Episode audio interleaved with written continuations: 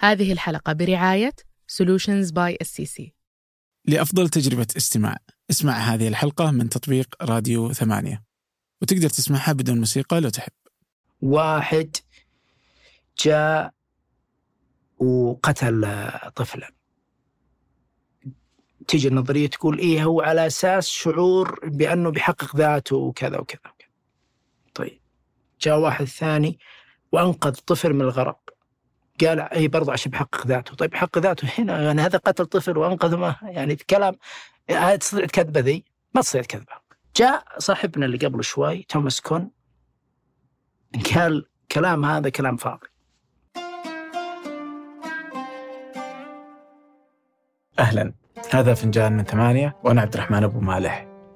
آه، قريت تغريدة قبل كم يوم للدكتور محمد قاسم يقول العلم ترى لكي تؤمن بعض المدارس الأخرى تؤمن لكي ترى. أنتهت التغريدة وصحيح أن كثير قد يختلف معها لكن هي تفتح باب أسئلة بالنسبة لي. من يحدد هذا علم وهذا مو علم؟ هل فقط العلوم التجريبية هي العلم لأنك تقدر تختبرها؟ بس هي كذلك ممكن ممكن تكون خطأ وأصلا يقال أن العلم فقط هو اللي قابل لأن يكون خطأ.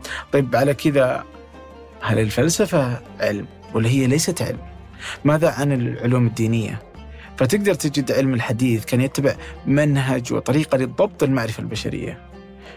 فأبرجع للسؤال الأساسي من اللي يحدد أنه هذا علم حقيقي وهذا علم مزيف؟ ونقدر نفتح باب المزيف ونمشي ولا ننتهي. ف...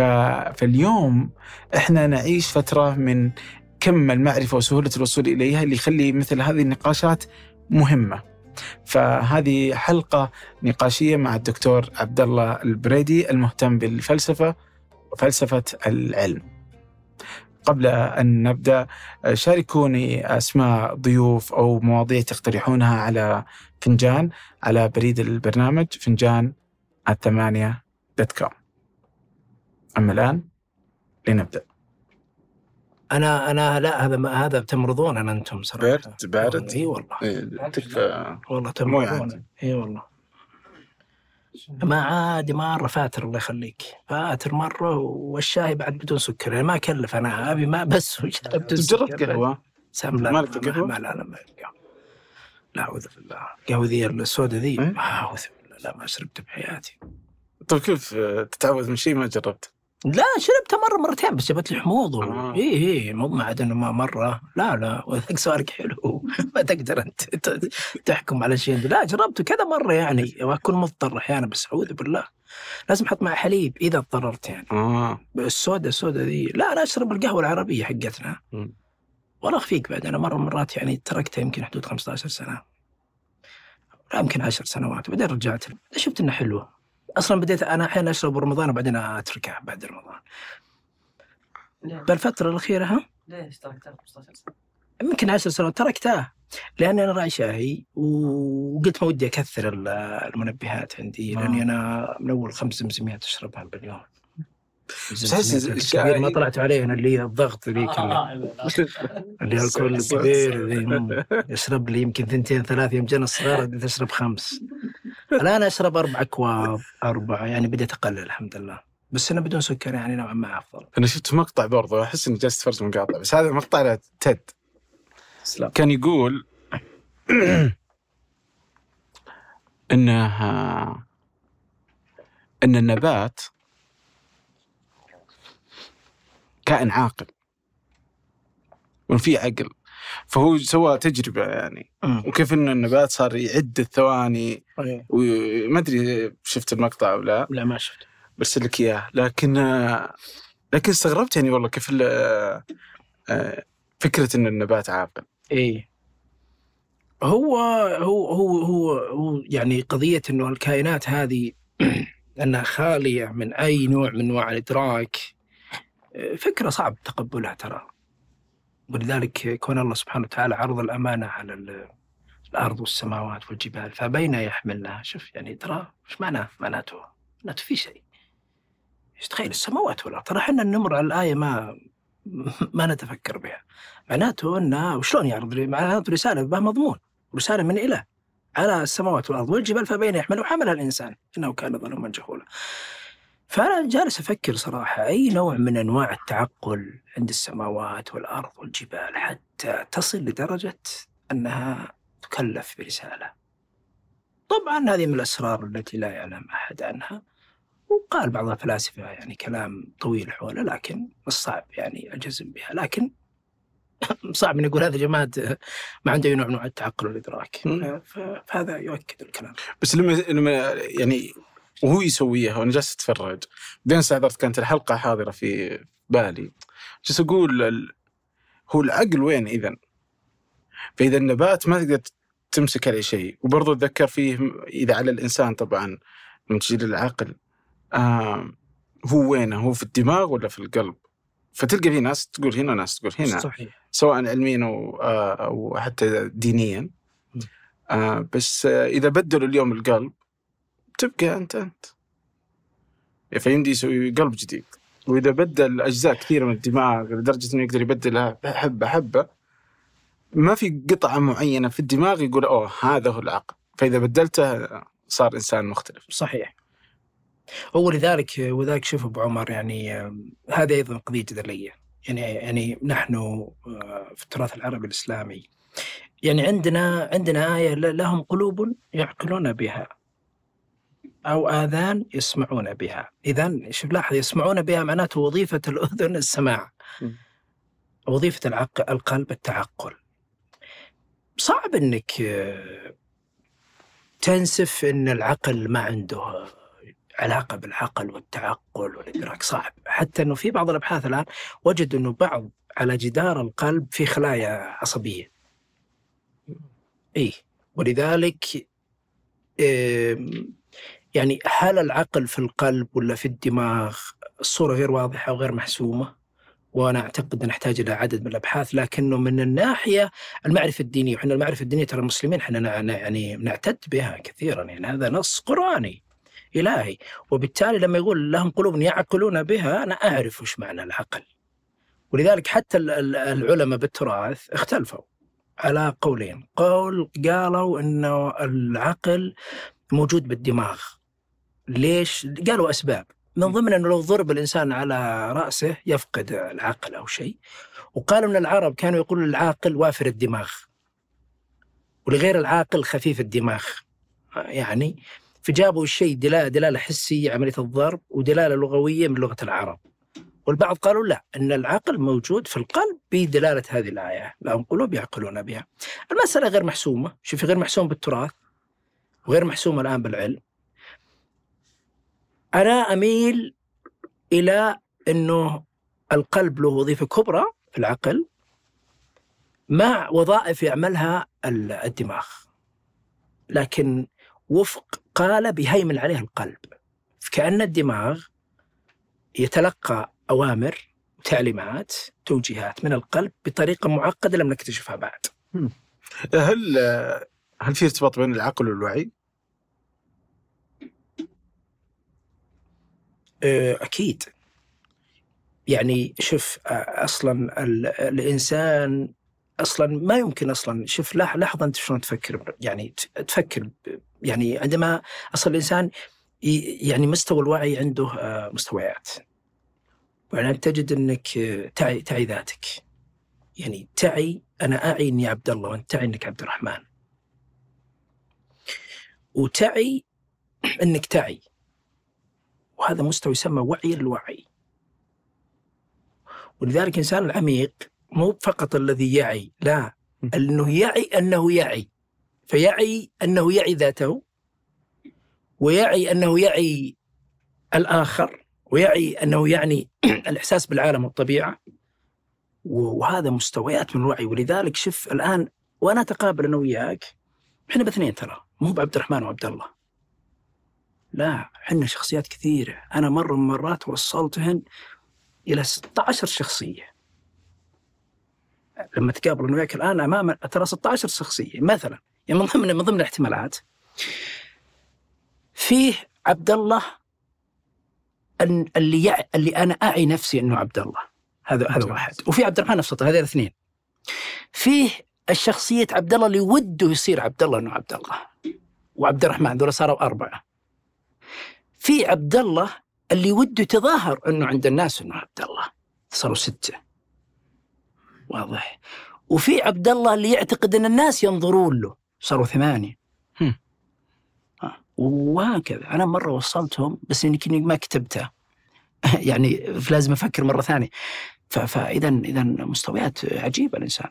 مستويات عجيبة. طيب وين وين العقل في الإنسان؟ هو شوف إحنا أو هذه أو وش العقل أصلا؟ شوف العقل ماخوذه من التعقل.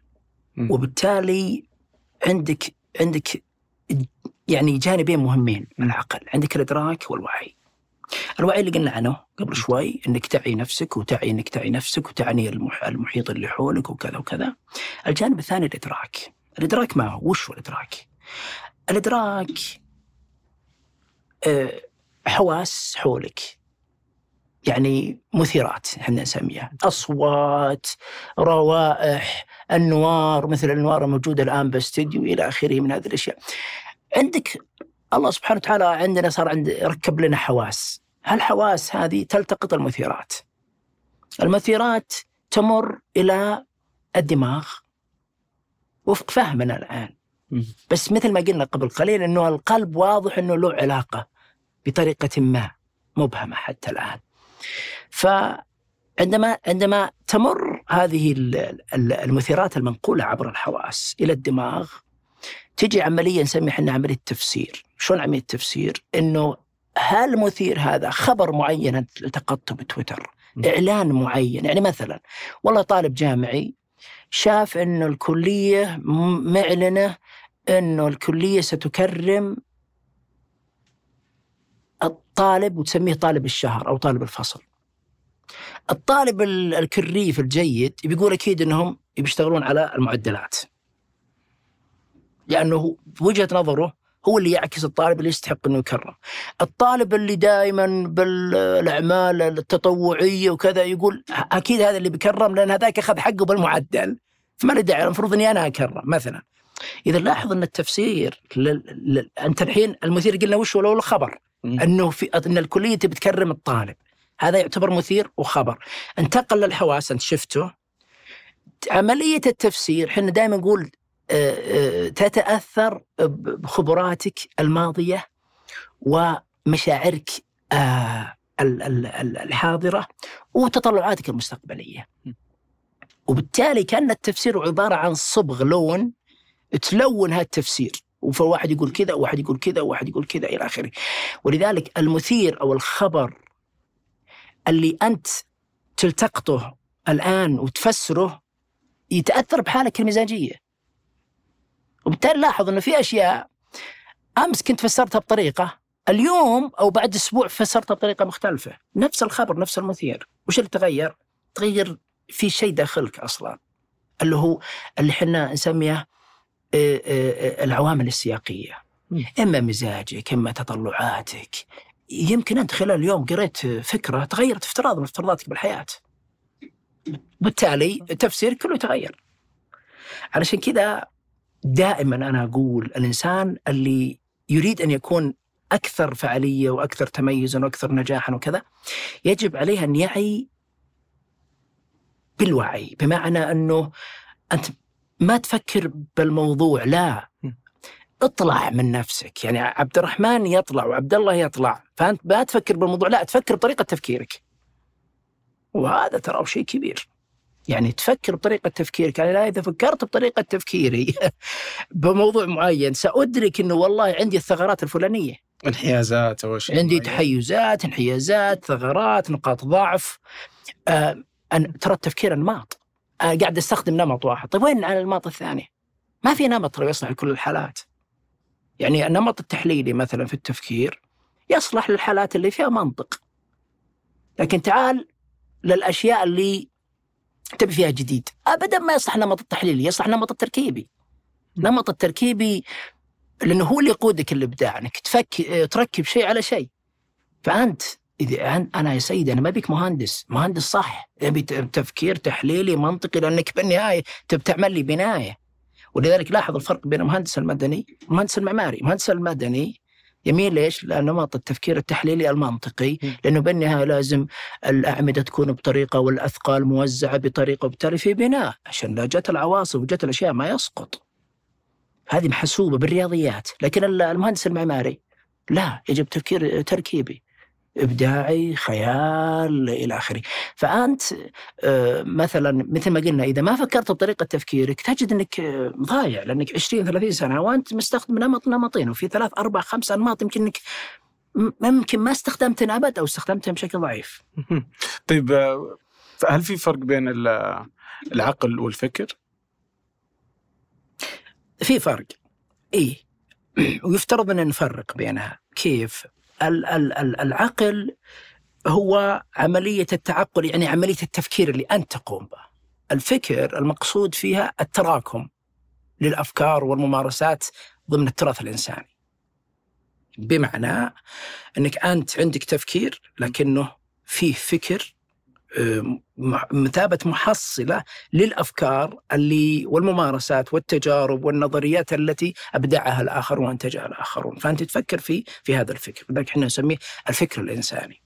والتفكير التفكير هو عملية ذهنية انت تقوم بها. وت- وتستخدم الفكر الإنساني ضمن مدخلاتك. فالفكر يكون مدخلا ضمن مدخلات التفكير. أوكي. والمدخلات هذه تشكل المعرفة؟ فكل معلومة أعرفها هي بالضرورة معرفة آه، صرت أنا عارف بها؟ آه طبعا هنا نيجي لمصادر المعرفة. مصادر المعرفة وطبعا إحنا نتكلم عن مصادر المعرفة وفق تراثنا العربي الإسلامي. إحنا إحنا مشكلتنا إنه في الاونه يعني في العقود الأخيرة جعلنا المنظر الغربي هو ينظر لنا. ويضع لنا مصادر المعرفة وما إلى ذلك. مصادر المعرفة حنا نضعها في عدة آه، مصادر، المصدر الأول مصدر الخبر. الخبر المقصود فيه النص الديني وحنا نعده من أعلى المصادر إنه مصدر ديني مقدس يعطيك معرفة واضحة ودقيقة. فبالتالي هذا أكبر مصدر، اذا هذا المصدر الخبر الموجود في القرآن الكريم والسنة النبوية الصحيحة. وضمن ما نسميه نحن الثوابت. ونسميه القطعي، قطعي الثبوت، قطعي الدلالة. ممتاز هذا المصدر الأول، المصدر الثاني مصدر الحواس. مصدر الحواس يدخل فيه كل حواسك ويدخل فيه المنهج التجريبي. إنك تاخذ مادة وتحط على مادة بالمعمل وتشوف وش تنتج، تنتج مادة ألف، باء، جيم، دال، اذا الحس والتجربة هذا مصدر. ويدخل فيه طبعا الملاحظة ويسمى منهج الاستقراء إلى آخره في العلم.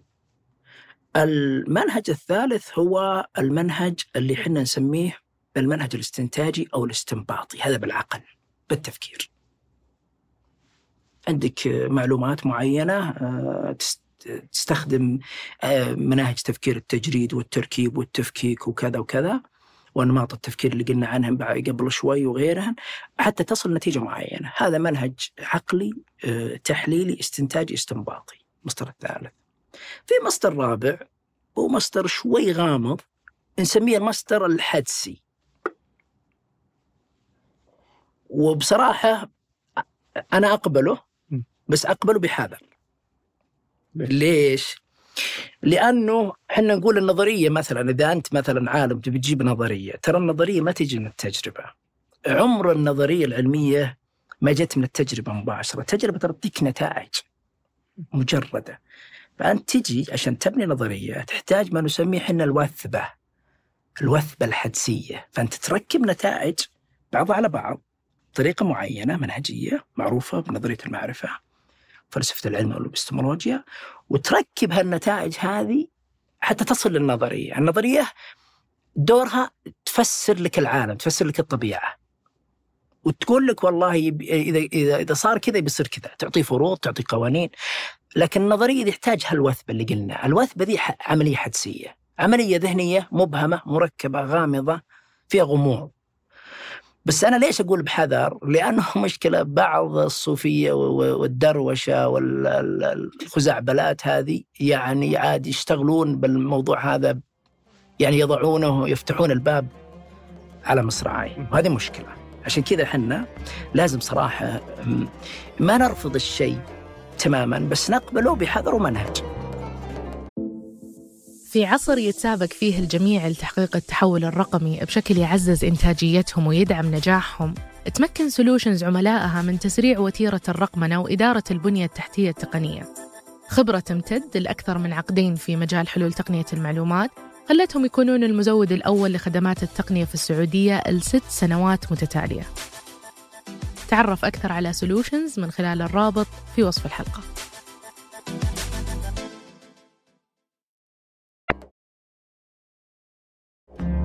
اذا هذه مصادر المعرفة, آه الأربعة. إسلامياً. الأربعة إي آه عند الغرب وش هي مصادر المعرفة؟ نفسه بس يشيلون يشيلون ال- الخبر الديني ينحونه تماما ما يعترفوا يقول ميتافيزيقا و ليش ميتافيزيقا؟ لأنه مو بعلم لأنه ما أستطيع أخضعه للتجربة. ولا القياس الكمي وبعضهم بعضهم أيضا يزيل المصدر الرابع هو الحدسي فلا يؤمنون إلا بالمصدرين أما مصدر الحواس أو مصدر استنتاج التفكير العقلي. مهم. واشكاليتك معه؟ آه شلون؟ وش اشكاليتك مع الفكر الغربي فيه؟ الفكرة الغربي إنهم ممكن نأخذ من عندهم النتائج ولا الأفكار اللي عندهم ونطبقها على اللي ال- الإشكال إنهم نحوا نحوا مصدرين إحنا نضعهم مصادر المعرفة اللي هو المصدر الخبري عن طريق النص الديني والمصدر ال- الحدسي لأنه أساسي. طبعا ليس كل الغربيين ينحي المصدر الحدسي عشان كذا هم عندهم جوانب أبدعوا فيها في ال في ال في الثنتين هذه. إي. يعني مثلا المنهج التجريبي عندهم جوانب يعني صراحة يعني, يعني أسهموا في تقدم المنهج التجريبي بشكل مذهل.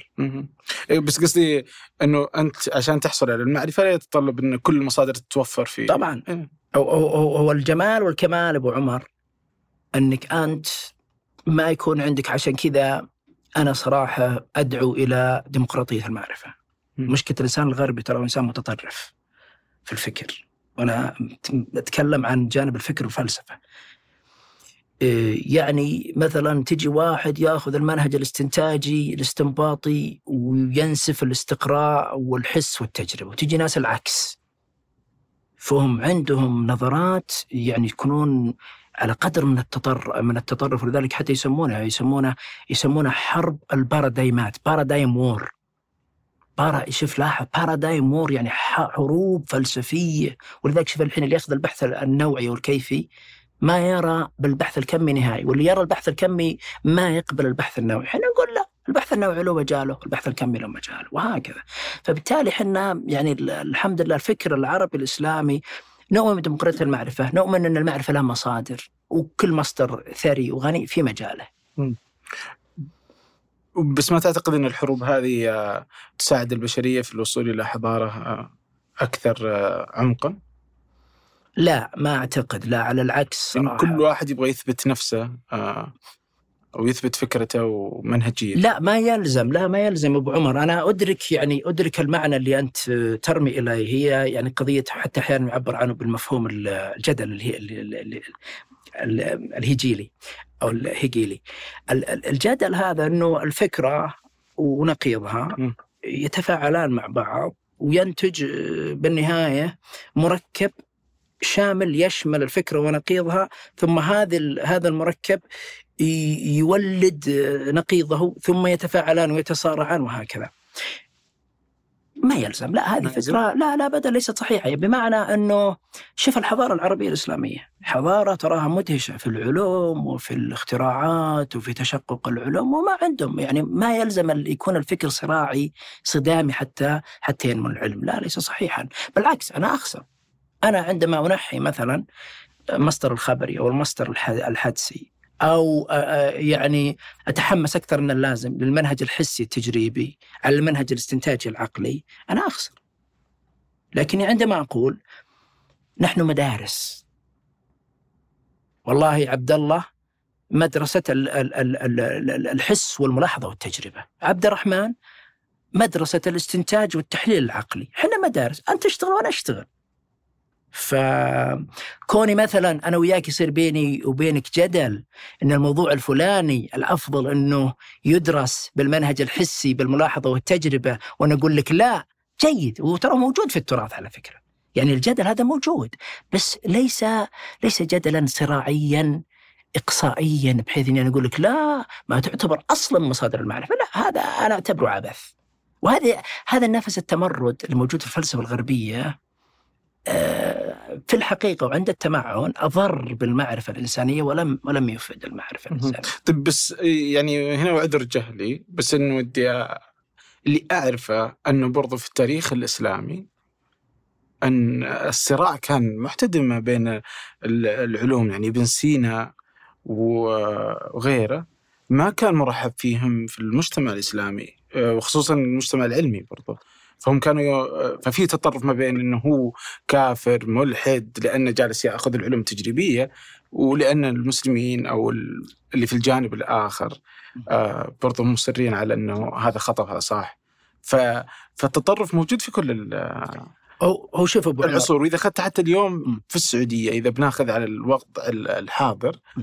فتلقى إن إحنا أكثر تطرفا في العلوم الدينية وناخذها انها هي اللي فيها العلماء اليوم لما أنت تقول عالم في السعودية ما يحضر في ذهنك إلا علماء دين فتلقى كل تركيزنا على العلوم الدينية والجامعات في العلوم الدينية أكثر ازدهارا من أي علوم أخرى فالعلوم التطبيقية التجريبيه لا تكاد تكون موجودة ولا هي في الاعتبار آه، في المجتمع الحاضر الإسلامي تاخذه اجمالا أو العربي أو السعودي.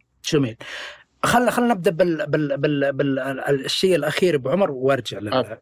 يعني مثلا شوف مثلا أنا أتفق مع ملاحظتك الأخيرة تماما أبو عمر هو عندنا مشكلة إنه في الآونة الأخيرة وربما بسبب خطاب ديني معين تمام يعني خلينا نكون يعني صريح إن الخطاب السلفي يعني الدين السلفي. وهذا لا يعني إنه لما ننقد جانب إننا ننسف كل الحسنات هذا هذا الخطاب. لا عنده جوانب جدا رائعة ممتازة. ولا نعمم أيضا. إنه ليس كل من ينتمي لهذا الخطاب أن يقول بل في ناس أيضا رائعين وشاطرون أن الفكرة بل ربما يكون عندهم نظرات أعمق. لكنه السمة العامة في فترات معينة لهذا الخطاب الديني همش العلوم غير الدينية. مم. طيب إحنا أبو عمر نرجع إحنا وياهم ليش؟ للنص الديني القرآني. شوف الله سبحانه وتعالى يقول في القرآن واضحة قل هل يستوي الذين يعلمون والذين لا يعلمون ترى الآية هذه فيها جانب إدهاش لغوي مبهر متعلق باللغة العربية. وهو وشيء سماه ابن جني شجاعة العربية. شوف ش- تخيل إن اللغة شجاعة. ترى تعبير مدهش مبهر لهذا ال- ال- ال- الفيلسوف اللغوي المبهر ابن جني رحمه الله. يقول شجاعة وش شجاعة العربية؟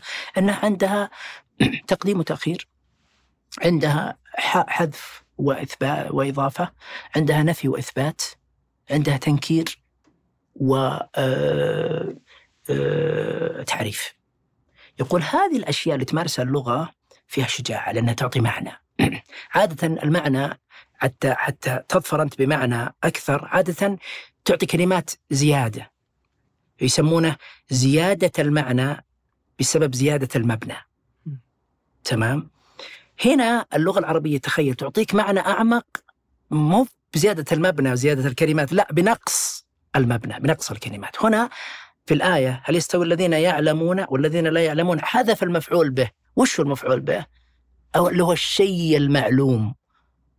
يعني أو المفروض يقول الذين لا يستوي الذين يعلمون في الدين دينا أو أخلاقا أو كذا. لا هو الشيء المعلوم الحقل المعلوم تركه لم يتحدث عنه ليش؟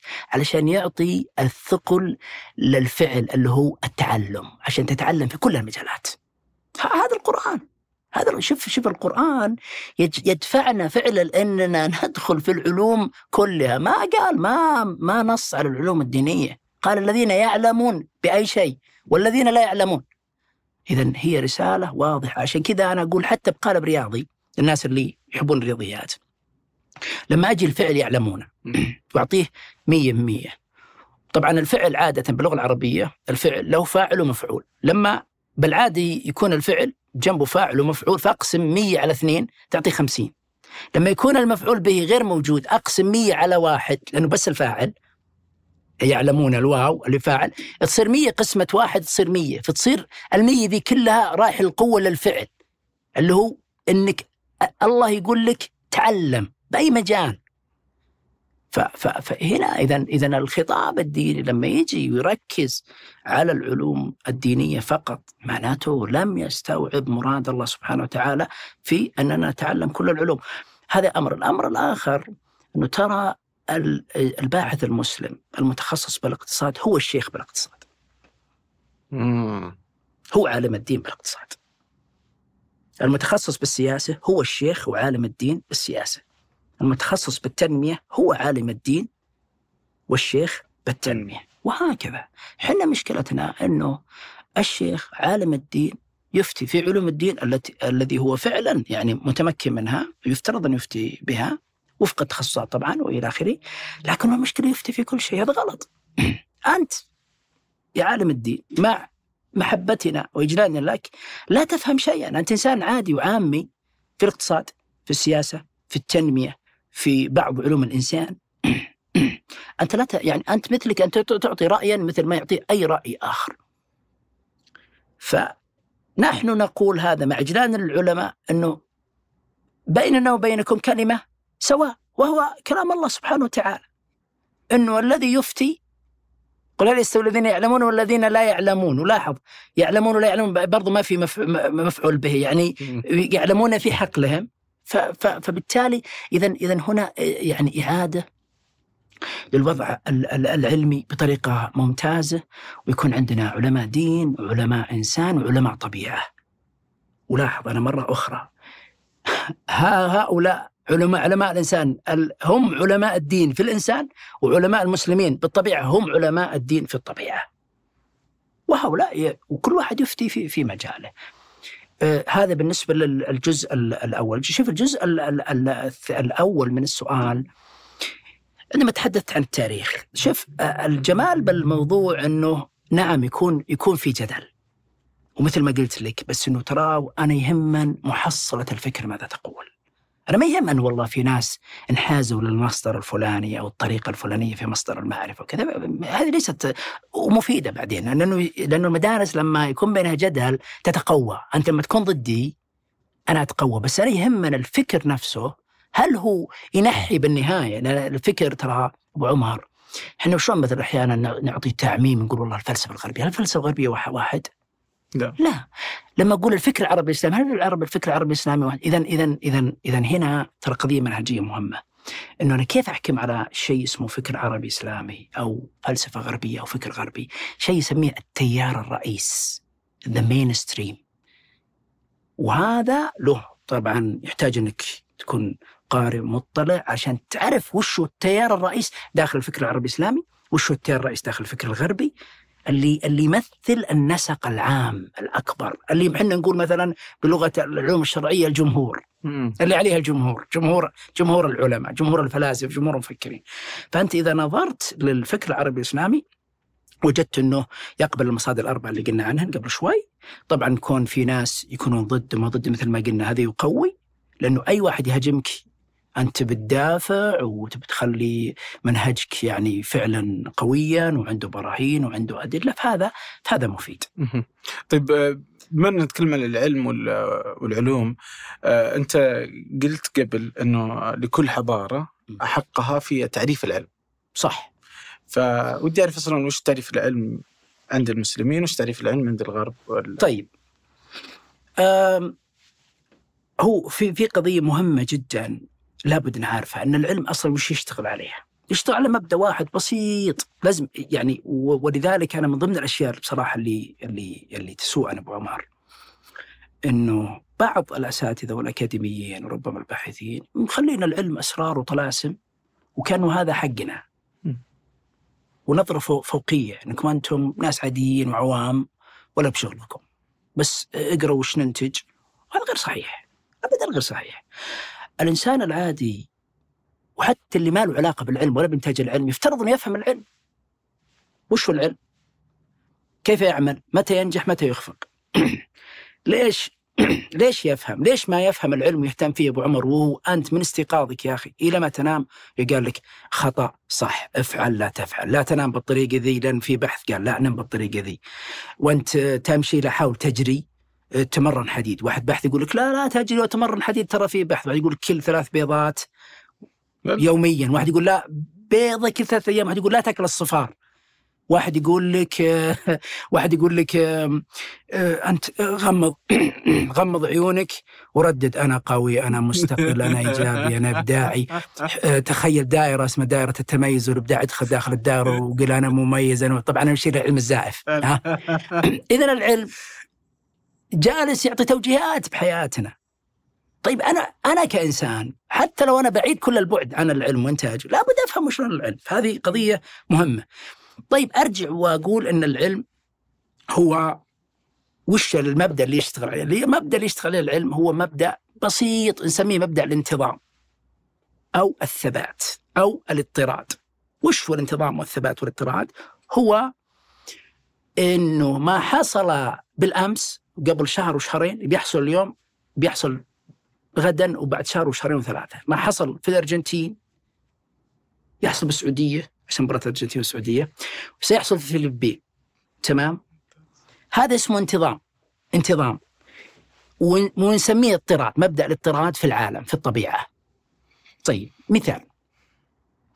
أجي الواحد حب يدرس مثلا سلوك شجرة معينة من الأشجار. فجاب بذرة وبدأ يبذر. وشاف مرة والله طلعت الشجرة وقويت ونمت وكبرت. ومره ضمرت وضعفت وماتت. ما, ما في انتظام. اذا هنا ما في علم.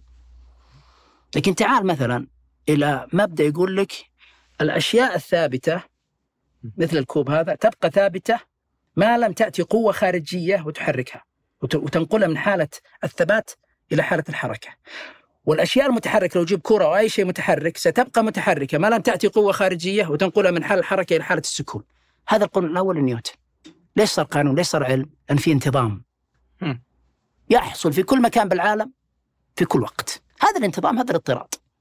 اذا العلم محاولة القبض على الاضطراد في العالم. القبض على الاضطراد في العالم، أي شيء منتظم، إذا أي شيء ما هو منتظم معناته أنت قاعد تسولف. لا، لازم تعرف إنه في انتظام. طبعا الانتظام في في في وضع الطبيعة في عالم الطبيعة أكبر من انتظام في عالم الإنسان. لأن المادة في المادة جامدة لما أحطها في المعمل على مادة ثانية تعطيني مادة جيم، ميب على كيف تفكر تقول أنا بصير جيم ولا دال، لا. فالاضطراد في الطبيعة أكثر من عالم الإنسان، لأن الإنسان عنده روح وعنده إرادة. ما تضمن هالروح والإرادة مو بشرط يعطيك نفس السلوك. يمكن يغير، يمكن مزاجه، يمكن يصير عنده مرجعية دينية أخلاقية، يمكن يصير عنده عقد هو مو فاهم بس يعطيك سلوك آخر. فالانتظام في عالم الإنسان أقل، لكن لابد من انتظام علشان أقدر أقول إني عندي علم علوم إيش؟ إنسان. ممتاز اذا المبدأ ذا هو ترى اللي يعني اللي أبغى الواحد يفهم العلم يفهم مبدأ الانتظام أو الإضطراد. ولاحظ إن مبدأ الإضطراد والانتظام في الطبيعة موجود في القرآن. يعني شوف الآية لو كان فيهما آلهة إلا الله لفسدتا. لو كان فيهما السماوات والأرض إلا الله يعني غير الله، يعني ما في إلا إله واحد. لو كان في أكثر من إله كان كل واحد بيكون عنده إرادة عنده حكمة عنده برنامج عنده رؤية عنده خطة كان كل واحد إذا اشتغل بيخرب الثاني عليه عشان كذا شوف الاضطراد الموجود. هل نضع نضع في وزارة أكثر من وزير؟ في مدرسة أكثر من مدير؟ في جامعة؟ في دولة أكثر من حاكم؟ لا. اذا في إله واحد. اذا هذا الإله يعطيني سر التماسك في في الوجود. وهذا مبحث بالفلسفة المبحث الأول ومبحث علم الوجود والأنطولوجيا. اذا التوحيد أعطاني المبحث الأول في الفلسفة هو مبحث الوجود والأنطولوجيا، اللي هو وجود العالم وتماسك العالم. أيضا يعطيني قضية إنه وجود الإله واحد وضع قوانين واحدة ونواميس ثابتة في الكون. وهذا المبدأ اللي متعلق مبدأ المعرفة فلسفة العلم والإبستمولوجيا وهو المبحث الثاني في الفلسفة. وجود إله واحد هو مصدر الخلق والأخلاق وبالتالي هذا المبحث الثالث في الفلسفة هو الإكسيولوجيا شوف بآية واحدة شوف القرآن تراه يعني كتاب عظيم بس إحنا للأسف ما قرأناه بهذه الطريقة. إذا لاحظ أن التوحيد بدون هذا التوحيد ما في عالم متماسك ما في اضطراد وبالتالي ما في علم ولا في معرفة. ولذلك نحن نقول أنه لا معرفة أو لا علم بدون اضطراد ولا اضطراد بدون توحيد. إذا لاحظ أن المسلم وهو يقرأ القرآن ترى عنده أساس منهجي عظيم. عشان كذا هذا هذا الحين عندنا العلم يقوم على مبدأ الانتظام والاضطراد طيب نجي أمر ثاني متعلق بقضية آه وظائف العلم. عشان أستطيع أني أبدأ أفهم العلم بطريقة جيدة. وظائف العلم أربع وظائف. عندك آه، وظيفة الوصف أن العلم يصف الأشياء. م. كيف تحدث؟ في وظيفة أعلى شوي وأعمق هي وظيفة التفسير. يعني ما يصف فقط وإنما يعطيك ليش الأمور تجري أو تحدث على هذا المنوال إذا هذه السببية والعلية. العلم افترض أنه مو بس يصف ويفسر لأنه بس مجرد كلام تنظير. لا افترض يعطيك تحكم بالأشياء. ولذلك شوف مثلا قضية إنترنت الأشياء.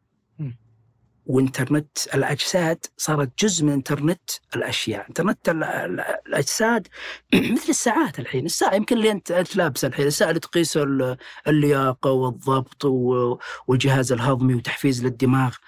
قطاع إنترنت الأشياء متوقع أنه يصل 445 مليار ب 2028 يعني بعد ست سنوات. مبلغ يعني ضخم. كبير. عشان كذا إحنا ممكن نضعه ضمن يعني ضمن الأشياء اللي ممكن نركز عليها يعني. كمورد. يعني شيء يعني ولا ما عاد ترى طلاسم يعني القضية ما هي- بصعبة. فإذا هذه الوظيفة هذه الوظيفة ال- الثالثة اللي هو التحكم. طبعا لاحظ إن التحكم الحين بيزداد بعد شيوع إنترنت الأشياء وال- وال- والاجساد طبعا الرقائق جاية وبالتالي مخيف عملية مخيفة مقلقة صراحة. الرقائق التي بتزرع بالإنسان وكذا. يقول لك بعد ستة شهور بيزرعون اول إيه مقلق. شريحة في الإنسان. بالضبط. هذا هذا الشيء وذلك هذا ترى سبب من أسباب اهتمامنا بالعلم العلم. ترى يعطينا أشياء رائعة وجميلة، أعطانا السيارات، الطائرات، الكهرباء، الإنترنت، شبكات التواصل الاجتماعي، التحكم. يا أخي تتحكم. أنت الحين تروح لبيتك تلقى الطبخ جاهز عند القدر الكهربائي وساخن وممتاز، تحكم بالرش الحديقة عندك، كله التحكم، كنترول.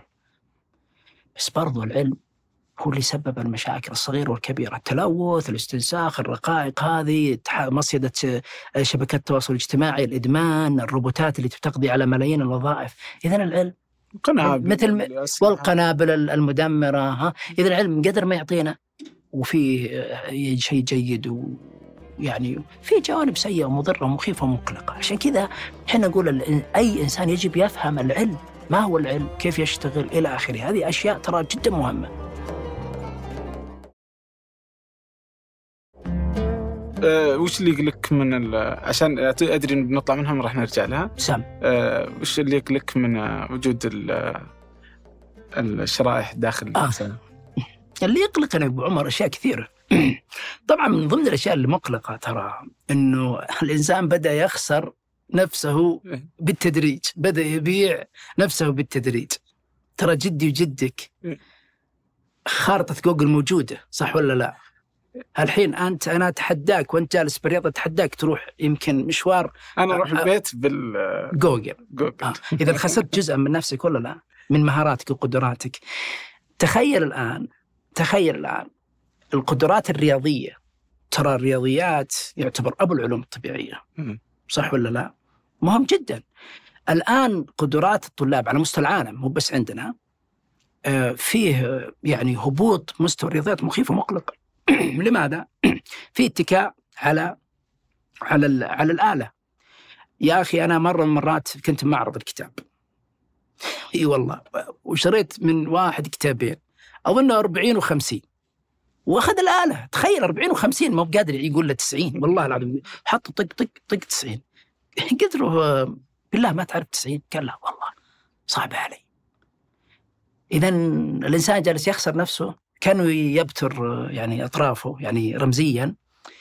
آه، هذا يقلق لأنك خلاص تبدأ الأشياء اللي كنت تستغلها تفكر شغل الذاكرة المعلومات بتصير موجودة بيصير في تحكم بالإنسان. هذا مقلق. عشان كذا مثلا رواية 1948 مم.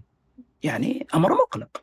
فكل هذه الأشياء الحقيقة أنها مقلقه ويفترض نحن العرب والمسلمين أننا ندخل في النقاش العالمي ما نصير فقط في طور المفعول به دائما نتقبل. لا يفترض يصير لنا يصير لنا رأي واضح نبي ما نبي يفترض نحدد عملية الصراع ما نخليها مسألة ترى يعني مسألة اختيار أفراد. مسألة جدا خطيرة. عشان كذا إحنا إحنا نحتاج صراحة أبو عمر إلى ناس ما ليس فقط يتخصصون بالحاسب أو الذكاء الاصطناعي لا نبي ناس يتخصصون بفلسفه الذكاء الاصطناعي فلسفة الح- الحاسب إلى آخره. يعني البعد الفلسفي ترى ولذلك الوصول إلى ما يسمى ب ما بعد ما بعد الإنسانية.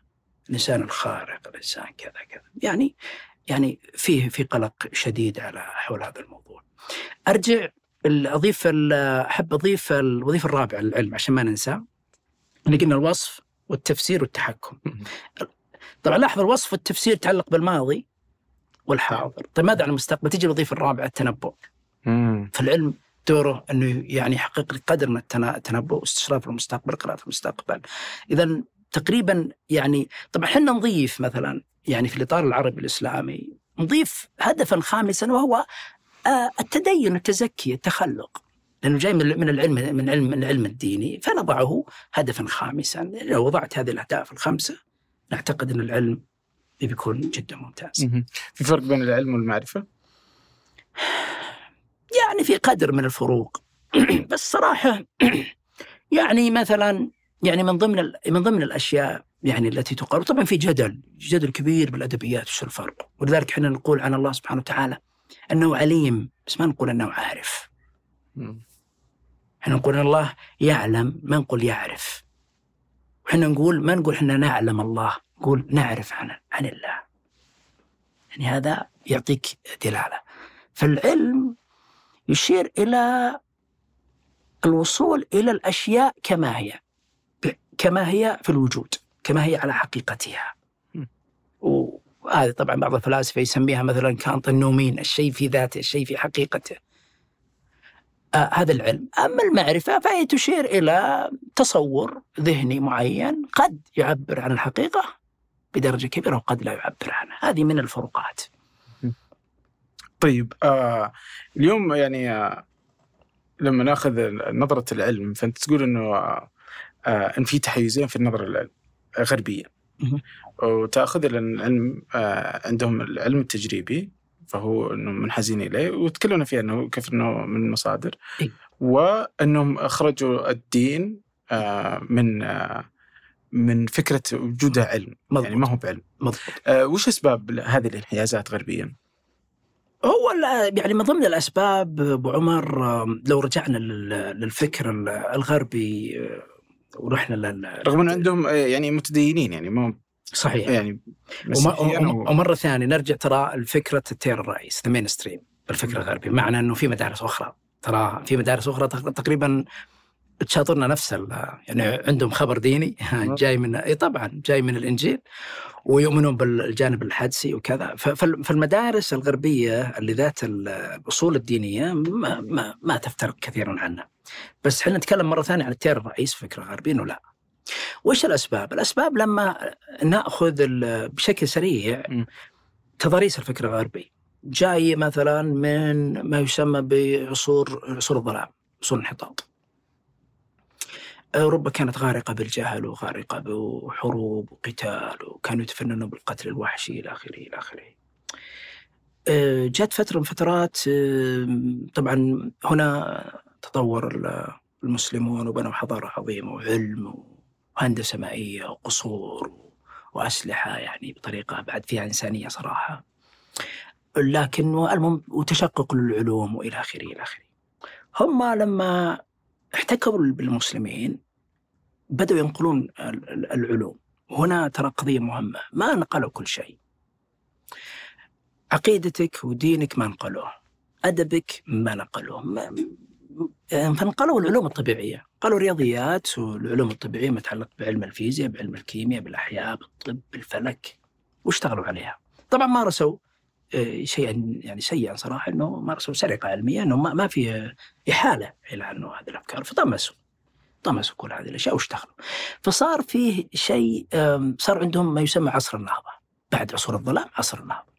جاءت عصر النهضة صار فيه نوع من أنواع إنه لا خلاص. وبعدين هالكنيسة ذي المسيطرة واللي تنهب آه، تشوف الكنائس الحين رحت بعض المدن الأوروبية. يا أخي تشوف الكنائس تستغرب. كنائس ضخمة. يعني معناته أخذت من اقوات الناس يا أخي البسطاء ليش تعمل الكنيسة هذه؟ يدل على جبروت الكنيسة. ترى يفترض ان نتأمل صراحة. الكنيسة الضخمة وبعدين بعض الكنائس ترى إلى الحين إلى مئات السنين يقول إلى الحين ما خلصت. طيب وش أنا وش, وش أستفيد أنا كإنسان بسيط مسيحي حول هال- بالمدينة والقريه أنا ماذا أستفيد؟ أنا اخذت أنت أخذت من قوتي وقوت أولادي. فالكنيسة كانت جبروت لدرجة مثلا ما يسمى مثلا بصكوك ال- الغفران.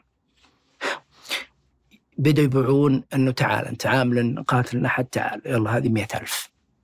أنت قاتلنا اثنين ب 200 أنت مصلح كذا لا ب 20 30 قضت آثام الناس كذا الناس يدفعوا. قالوا تعال لا تشري صكوك ال- الآثام أبوك وأمك.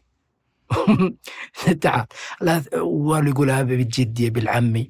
طلعوا وشروا الناس يعني اللي بيشرون قالوا تعال ممكن تعمل آه، صكوك ل- ل- المعاصيك المستقبلية. يلا بس ادفع. تنبؤ. في استغلال إيه، نبوه بطريقة.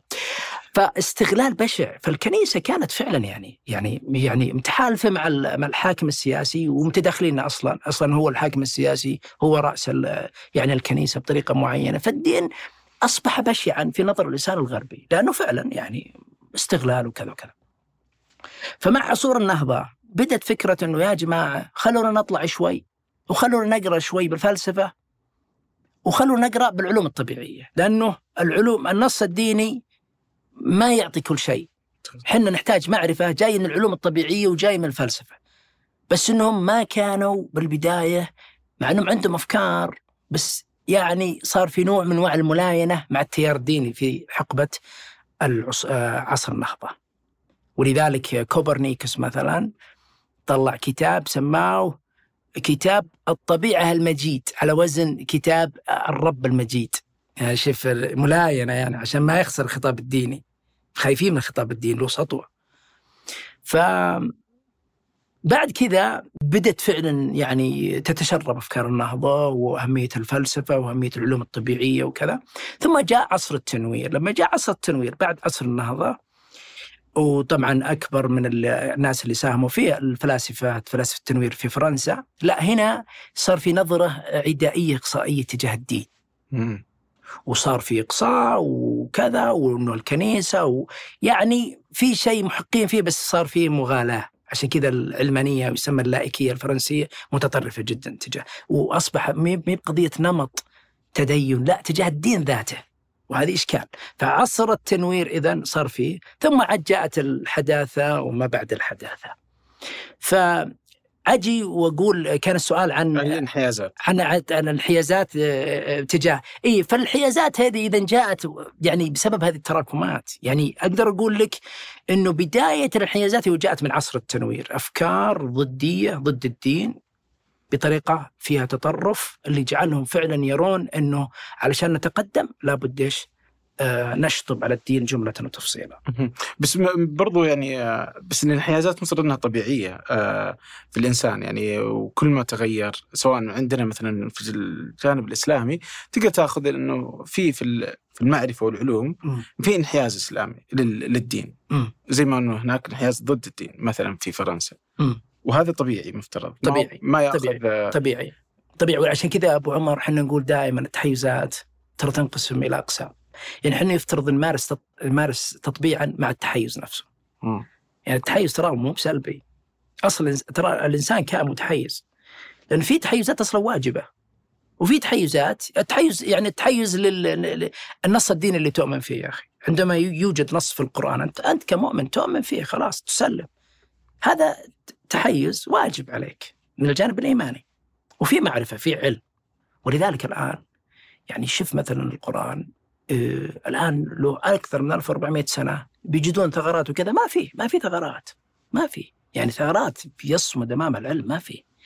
عشان كذا إحنا نقول النص النص الديني نحن عندنا تحيز نسميه تحيز واجب وفي تحيز محايد. يعني مو ما مو بمرتبة الوجوب بس محايد مقبول. وفي تحيز لا تحيز نسميه سلبي. فاذا التحيزات انواع وش قصدك يصمد امام العلم؟ يعني يعني مثلا يعني هذا الكتاب الآن يعني طبعا القرآن في ناس قاعدين يشتغلون على أساس إنه يثبتون إنه ليس هو الرساله ال- الخاتمة للإله لبني البشر. وبالتالي يبحثون عن أي ثغرة. ولذلك يعني لو كان من عند غير الله لوجدوا فيه اختلافا كثيرا. ترى هذا تحدي تحدي إلهي. يلا ابحثوا. هل 600 صفحة؟ أبحث نكب ما ولذلك شوف يعني عملية الاضطراد. شوف هذا بالنسبة إذا كان فيه تصدع أنا أسميه تصدع في المعنى. لو كان من عند غير الله وجد فيه اختلافا كثيرا شوف مثلا ما في حتى تصدع أو أو عيب أو ثغرات في الطبيعة. أم، الذي خلق سبع سماوات طباقا فارجع البصر هل ترى من فطور؟ فيه تشقق وعيوب. ثم ارجع البصر كرتين. ينقلب إليك البصر خاسئا وهو حسير. ما في عيوب. يلا جب جب جب بال- بالخلق. الله يتحدى كل أحد. ما في. ولذلك القرآن تراه نص ديني عظيم. ولذلك أنا صراحة أعتقد إنه يفترض إنه سوق ال- القرآن ليس بوصفه نصا دينيا للمسلمين فقط. وإنما هو ترى نص حضاري. ليه؟ لأن فيه إضاءات فلسفية عظيمة. فيه إضاءات علمية متعلقة بالإنسان بالطبيعة بالميتافيزيقا. كتاب مدهش. آه القران القران آه اي بس أنا كنت احسك كنت بتدخله في في العلم. في ناس تأخذ ال- الإعجاز العلمي في القرآن و وكذا ف- فظننتك بتدخل في مسألة ال- شوف مسألة مسألة الإعجاز العلمي أبو عمر آه، بصراحة نحتاج أن نقيمه يعني. يعني بمعنى أنه هو مشكلة أحيانا ناخذ الفكرة ونتحمس لها أكثر من اللازم. أو ما, ما نعطيها ما تستحق. يعني ماشي القرآن صحيح ليس كتاب علم. لكن في إضاءات علمية ولا ما في؟ في. في. في مفاتيح. فأنت إذا أردت ولذلك بعض الناس يقول لك لا خلوا كتاب ديني. لا هذا م- معناته أنت ما أخذت فكرة أن ال- القرآن فيه إضاءات ومفاتيح علمية. ما بس ما تاخذ كتاب علمي. آه ما تاخذ كتاب علم بالضبط. عشان كذا إحنا لازم نصير بالنص.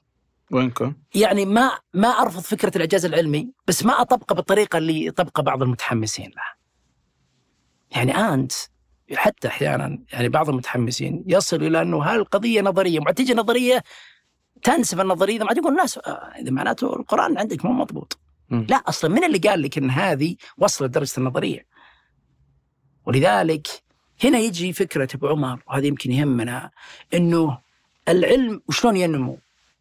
كيف كيف يتطور العلم؟ علشان اللي, بال... اللي يشتغلون بالإعجاز العلمي ما يقعون بال... بالخطأ. هذا صراحة أفضل ما وصف قصة تطور العلم هو فيلسوف أمريكي اسمه توماس كون في كتابه شهير جدا طلعه 1962 بنية الثورات العلمية. توماس كون، توماس كون هذا كان يشتغل آه، يعمل دكتوراه في الفيزياء.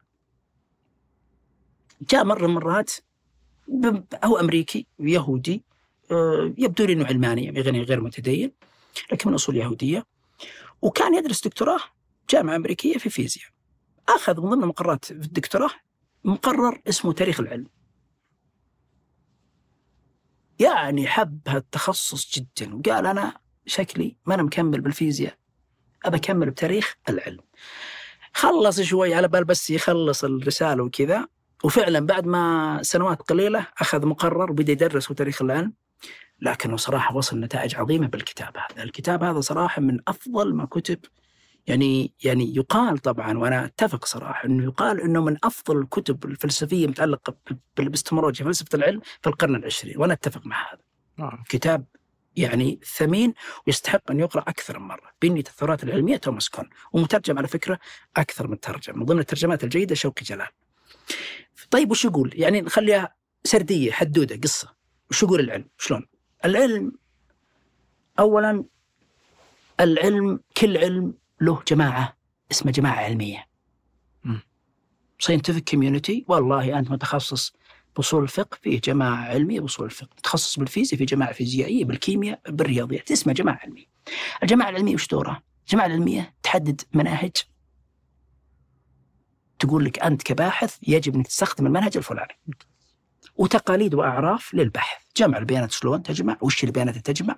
كيف تحلل؟ كيف تصل نتائج؟ شلون تبرز الدليل اللي تبين لأنه العلم تراه قضية مربوط بالدليل. قل هاتوا برهانكم. مرة ثانية نرجع للقرآن. ما في شيء بالعلم والفلسفة أسس إلا بالقرآن موجودة شيء وذاك شيء مبهج وشيء بيبعث على الفخر والاعتزاز والعمق أيضا. فجماعة العلمية ذي تجي وتحط المناهج والتقاليد والأعراف. تجي أنت وتشتغل. مرة ثانية العلم يقوم على مبدأ مثل ما الانتظام والاضطراد. تجي وتصل بقضية معينة إلى شيء منتظم وتضع قانون هالقانون يجي مع قانون ثاني؟ يتركب قانون عاد تصير نظرية. النظرية ذي العلمية تفسر الطبيعة والعالم كيف يعمل كيف يشتغل. تمام. تجي النظرية ذي تشتغل تصير فعالة سنوات معينة والناس والأبحاث كلها تصير موجب هالنظرية والله النظرية تقول كذا وشغالة فعلا تفسر تجي شواهد إحنا نسميها شواهد سالبة يعني تجي حالات وأحداث تبدأ النظرية ما تفسرها. يعني النظرية تقول بيصير كذا وما تصير شيء ثاني. هذه نسميها حالات شواهد سالبة وحالات شذوذ. يعني النظرية مي بقادرة تسيطر على هالأحداث، مي بقادرة تعلمنا وش بيصير. طبعا الجماعة العلمية فيهم حرس قديم مؤمنين بالنظرية إلا ويقعدون يسمكرون بالنظرية، يسمكرون بها يتمسكون بها. تمام؟ يتشبثون بها. ويعدلون شوي، أحيانا ينجحون. تعدل بعض الفرضيات وتمشي النظرية تبدأ تفسر خلاص تمشي لها عشر سنوات بس مرة ثانية تطلع حالات تعاند النظرية وما يقدر داخل الجماعة العلمية يكون فيه مجموعة من العلماء الشباب أصحاب التفكير الخلاق والجسارة مم. يقولون لا ما نظرية خلاص طيب وش نحتاج؟ نحتاج نظرية لا مي بالقضية نظرية. ما يكفينا نغير النظرية وش نغير؟ نغير البارادايم طيب وش ال paradigm؟ ال paradigm هو عبارة عن الأشبه ما يكون بالنظارة اللي نلبسها عشان نشوف العالم فأنت تخلع النظارة اللي تشوف العالم أصفر البس أخضر البس أزرق هذا ال paradigm نموذج إرشادي يتحكم طريقة إنك كيف تنظر بالعالم كيف تنظر بالطبيعة. فيقول بغير ال paradigm نفسه. طيب يجون ذولا لأنهم عندهم عقليات كبيرة جدا في العلم يجون وفعلا يصنعون بارادايم جديد. ممتاز. هالبارادايم الجديد؟ إذا العلماء كانوا ملبسوا النظارات وبدأوا ينظرون العالم والطبيعة موجب هالبارادايم الجديد؟ آه. يصلون إلى قوانين جديدة ونظرية جديدة وتشتغل معهم تفسر الأشياء اللي ما كانوا يفسرون فيها. المرحلة اللي النظرية شغالة هو يسل يعني يسميها العلم المستقر. يبدأ العلم يأخذ مرحلة normal science علم مست- مس- مستقر. لما تيجي مرحلة الشذوذ والنظرية ما تشتغل وكذا وكذا ونحتاج نغير يسميها paradigm shift إننا بنغير ال paradigm طيب غيرنا ال paradigm تغير فعلا نظرتنا للعالم والطبيعة. استطعت إني أصل نظرية جديدة.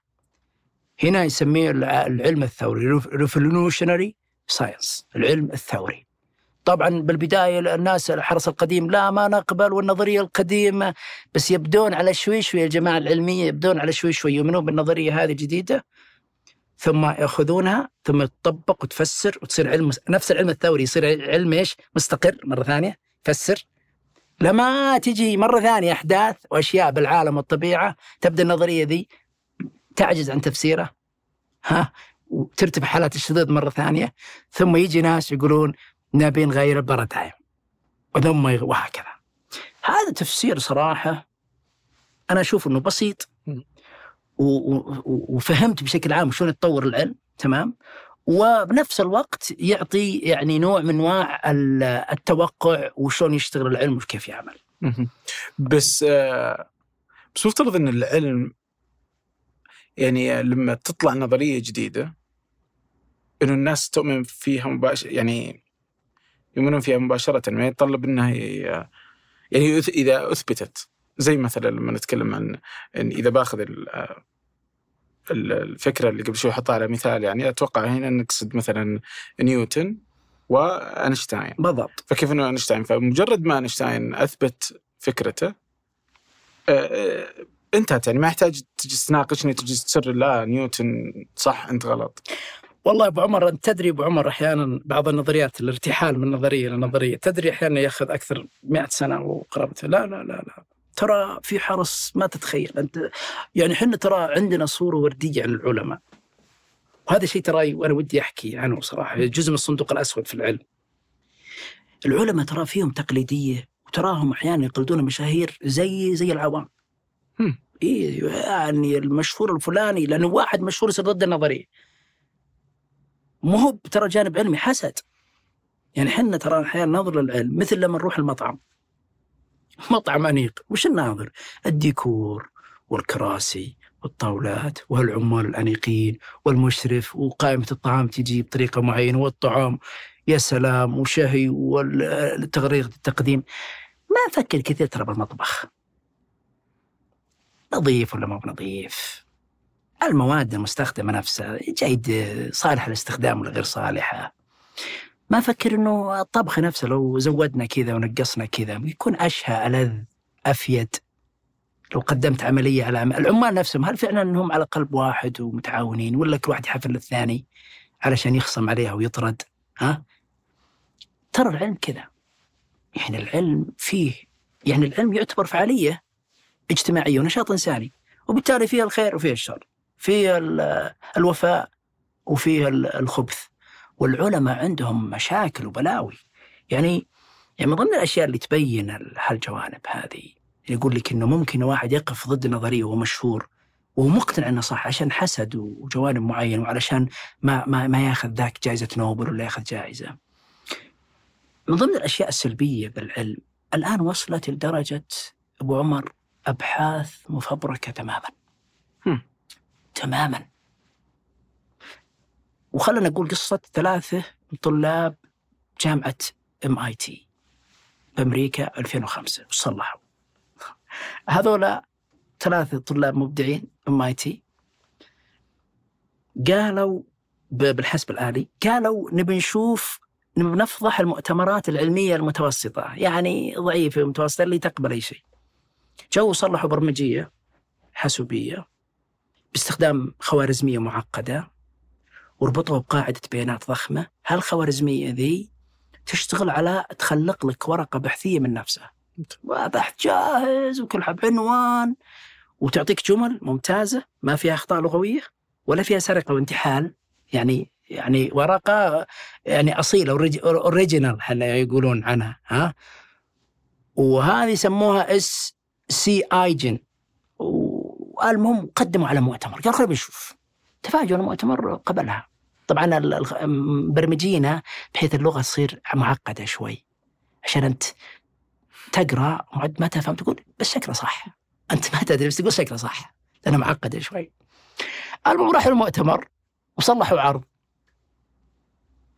بعد ما انتهوا قالوا ترى نكتة يعني بس مجرد هذه نكتة مبين إنه بالبحث العلمي بو أشياء سخيفة. وتخيل إنه ب 2014 هذه كانت ب 2005 2014 هم طبعا خلوا هالبرمجية ذي خلوها بالإنترنت مفتوحة. طبعا على بالهم انه خلاص هي نكتة وإن المجتمع العلمي بياخذ درس و... تبين إنه ب 2014 جو ناس من الباحثين أقول لك عشان العلم بو أشياء سيئة وكذا. جو طوروا خارزميه تشتغل بغير بغير الحاسب الآلي آه، تخلق لك بالرياضيات بالفيزياء. واكتشفوا إنه فيه أكثر من 120 ورقة بحثية منشورة مجلات. من ضمنها Springer يعني ناشر ألماني كبير. فضحهم باحث فرنسي اسمه سيريل لابي لأنه طور برمجية تكشف الأوراق المخلقة عبر البرمجية ذيك السابقة. اوه 120 مخلقة كذا ذاتيا كذا كلام فاضي. ط- دخل شوي بيانات وتعطيك والله عبد الرحمن أبو مالح آه، بيبر وكذا وشكله كله تمام. وسحبوا تخيل 120 فاللي بقوله أبو عمر إنه إنه لا النظريات ابو عمر ممكن آه، تجلس فترات طويلة، ممكن تجلس 20 30 40 5 سنة ومقاومة. أحيانا قد ما يكون له اي أساس موضوعي، بس حسد وإنه لا يحصل على مكافأة لا يصير له صيت، وأحيانا لا تكون عن قناعات إنه مقتنعين. يعني أحيانا مقتنعين بالبرادايم الأول بالنظرية وارد، لكن صدقني يعني الآن تخيل تدري أنت ابو عمر الآن إنه حتى في جامعاتنا العربية ما يزالون يدرسون الفيزياء الحتمية. يعني يعني يعني العلم العلم بعصر الحداثة قائم على فكرة الحتمية. هي قريب من فكرة الاضطراد determinism. فكرة الحتمية طبعا إن العلم قادر يشخص كل المشاكل ويحل كل المشاكل انه قادر يعطيك الحقيقة كما هي هذه تسمى الحتمية. مع أينشتاين وفيزياء الكوانتم والكموميه انتقلوا مع مبدأ هايزنبرغ المعروف. انت انتقل العلم من مبدأ الحتمية لمبدا اللا حتمية واللا تعين تخيل الآن إلى الآن جامعاتنا تدرس فيزياء الحتمية.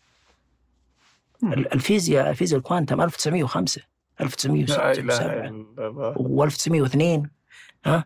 يعني يعني يعني تخيل يعني لنا 120 يا ابو عمر تقول لي 120 ولا لا زال ندرس يعني ترى شيء كارثي الا الا ك- يعني الكوارث كثيرة في إيه يعني عشان كذا.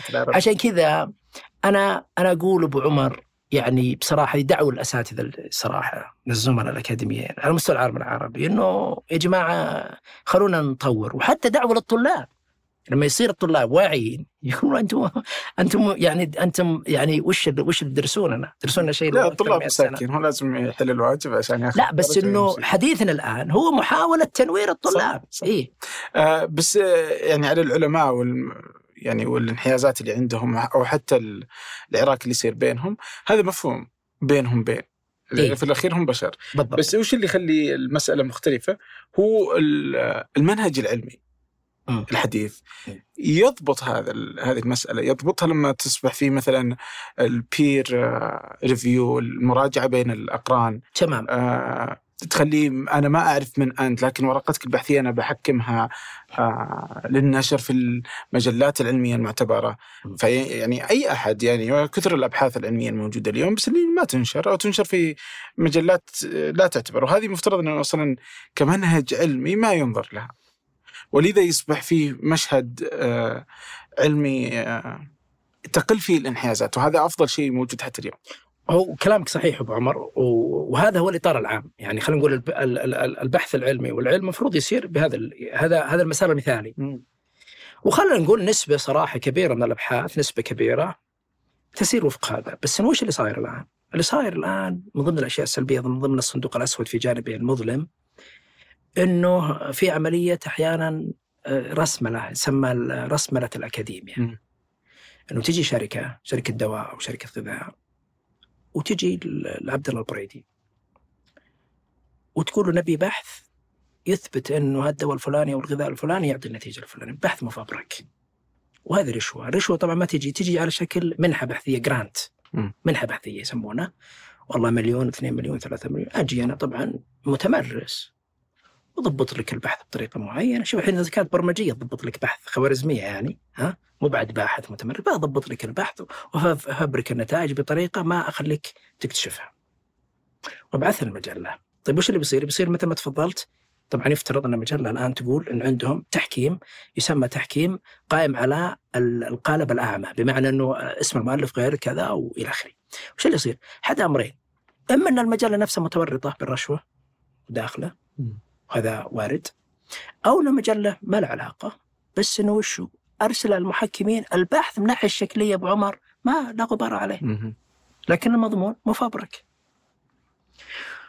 ولذلك آه، تخيل إنه نسمع لما تقول في مفبرك نسمع- وش تقصد؟ سم لما تقول مفبرك وش تقصد؟ مفبرك يعني مثلا يعني أنا بصل مثلا إنه والله آه ال- العلاج الفلاني ما له الآثار الجانبية الفلانية فأنا أروح العينات عينات مضروبة عينة من المرضى أقول مثلا إني أخذت 300 مثلا آه، مبحوث تمام وإنه صار عندهم كذا بس إني أضبط النتائج الإحصائية.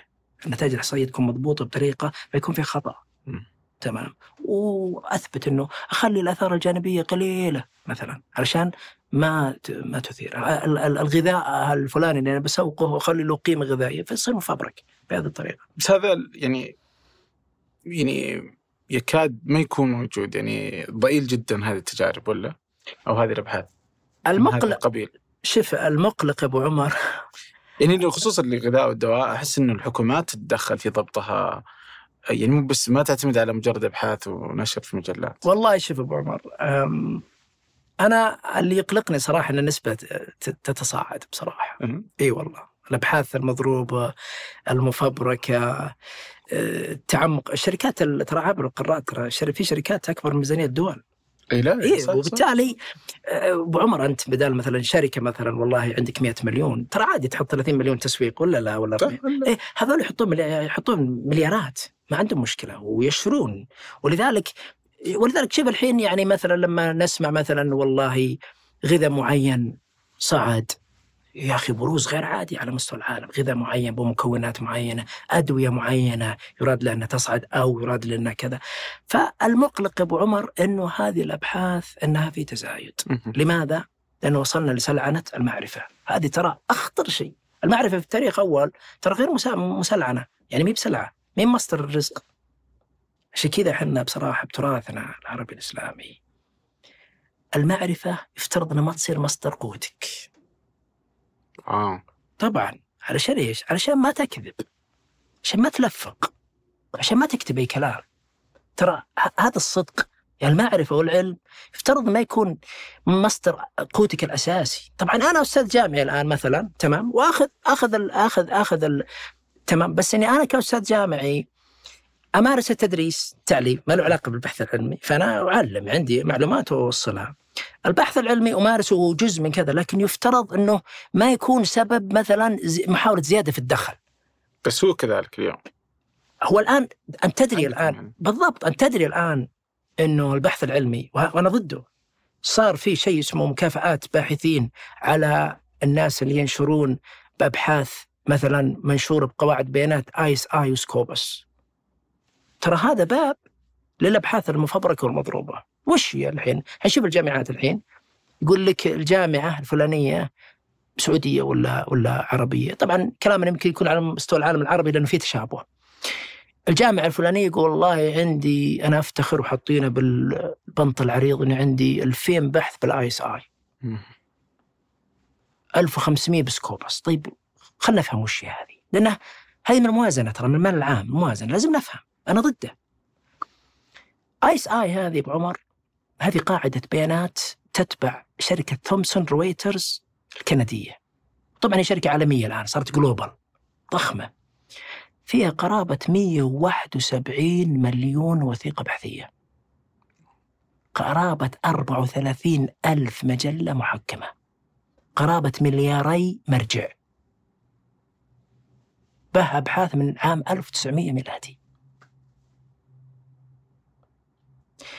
سكوبس شركة ألسفير هولندية ونفس الطريقة يعني شركة عالمية وعندها كذا وكذا طيب وش اللي صاير الآن؟ اللي صاير أبو عمر يعني الغرب حول المعرفة إلى قيمة اقتصادية دخل عليهم مئات المليارات وللأسف إحنا قاعدين نشتغل لهم بالعالم الآخر دول الأطراف بالمجان شلون؟ تجي المجلة الحين أنت الآن عندك مجلة يا أبو عمر عشان تدخل ال ISI يعطونك شروط.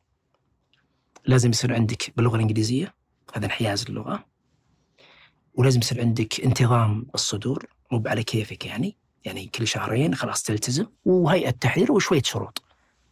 طيب جابوا فكرة عشان تجيب فلوس جابوا فكرة اسمه معامل الاستشهاد.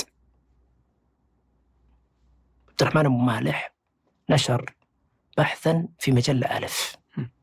واستشهد ببحثك مئة مرة.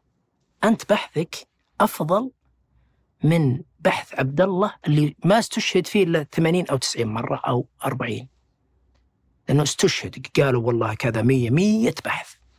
معامل الاستشهاد هذا يجون يحسبونه على مستوى كل مجلة. يعني يأخذون الاستشهادات بكل بحث ثم يصير في معامل يسمونه impact factor معامل تأثير لكل مجلة. وعاد يجون يصنفون المجلات بكل حقل. والله مثلا بالفيزياء النظرية كذا بالفيزياء ال- ال- التطبيقية كذا بالرياضيات كذا ويصنفونه والله. وما يصنفونه ألف وباء وجيم ودال. طيب. الآن المجلات هذه يعني إحنا بجامعاتنا العربية للأسف صرنا نعطي الباحثين اللي ينشر مجلات آيس اي والسكوبس هذه اللي إحنا نقول إنها مجلات راقية و... ونفتخر. نعطيه مكافأة. أحيانا 10000 مثلا بالسعودية 20000 إلى آخره. أنا أدعو لايقافه تقول لي ليش؟ لأنه أبو عمر اللي صاير الآن المجلات هذه الدولية مجلة عندها أجندة. أجندة بحثية تنموية. يعني تخيل مجلة أنا أنا ما دريت عنك لا بالسعودية ولا بمصر ولا بالجزائر ولا بالسودان ولا باي مكان. ماذا؟ أنا أنا عندي عندي مشاكلي التنمويه أبيك تشخص لي؟ أبيك تقدم حلول. فأنا أحط أولويات أسميها أولويات بحثية. أنت عشان تنشر المجلة افترض إنك تمشي على الاولويات على الأجندة. تجي تخيل أنت مثلا والله عبد الله البريدي علشان ينشر تجد إنه يعرف وش الأولويات وش الأجندة فقاعد أنا قاعد أخدمهم بالمجان. لا مو بالمجان. عشان تنشر مجلة لازم تدفع 300 500 ألف دولار. الحين 1500 دولار. فقاعدين نشتغل حنا لهم بالمجان وتخيل إننا ننشر مجلات بالذكاء الاصطناعي. ممكن تستخدم بالأسلحة. دولة معادية. طائرات مسيرة درونز فيزياء بتخصصات معينة كيمياء بتخصصات معينة. إما تستخدم من دول معادية الأسلحة إما تستخدم بمنتجات معينة وما عاد يبيعون علينا مئات. طيب أنا اولى عشان كذا أنا أدعو صراحة إلى تعميق البحث باللغة العربية عشان يصير عندنا تراكمية. إحنا ترانا الآن إحنا بقليلين يعني ما ما عدنا ترى. إحنا نمتلك الآن جزءا كبيرا من اسرار العلم. العلم ترى مو هو يعني إنه خلاص يعني يجب أن نزيل قضية إنه إنه الآن إنه إنه أسرار العلم الحقيقيه عند الغرب ليس صحيحا عندنا علماء ترى على أكبر الطراز والآن ما يكاد يوجد تخصص علمي دقيق إلا في عشرات من العلماء العرب والمسلمين. عشان كذا أنا أدعو صراحة إلى أننا نعمق أبحاثنا باللغة العربية يصير عندنا تراكم ويصير مثل مثل الخلا يصير يعني بطاطا بحوضة. يعني يصير الأبحاث تحقق لنا منتجات ذات قيمة اقتصادية لنا. ما اقعد أشتغل الغرب. يعني أنا الآن جالس والله يعني أنا ولذلك أنا فعلا أدعو الجامعات العربية والسعودية إلى إيقاف مكافآت التميز هذه بالاس آي وسكوبس للأسباب اللي قلت له وتدرس يدرس الموضوع. أنا بالعكس أنا ما ضد يا أخي مكافأة العلماء والباحثين واللي يجيبون أبحاث.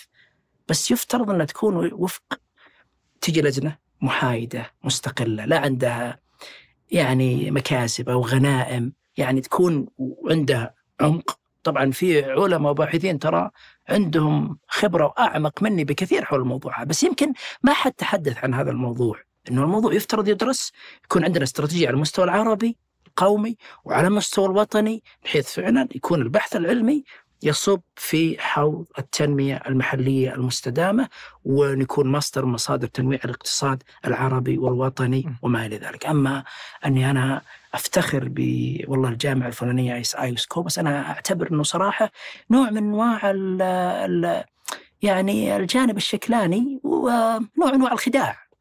يمكن يعني يعني حتى الجامعات ترى ما فكروا فيها يمكن بالطريقة هذه. بس بصراحة أنا يفترض ما أخدع نفسي، أنا أخدع نفسي بالطريقة هذه.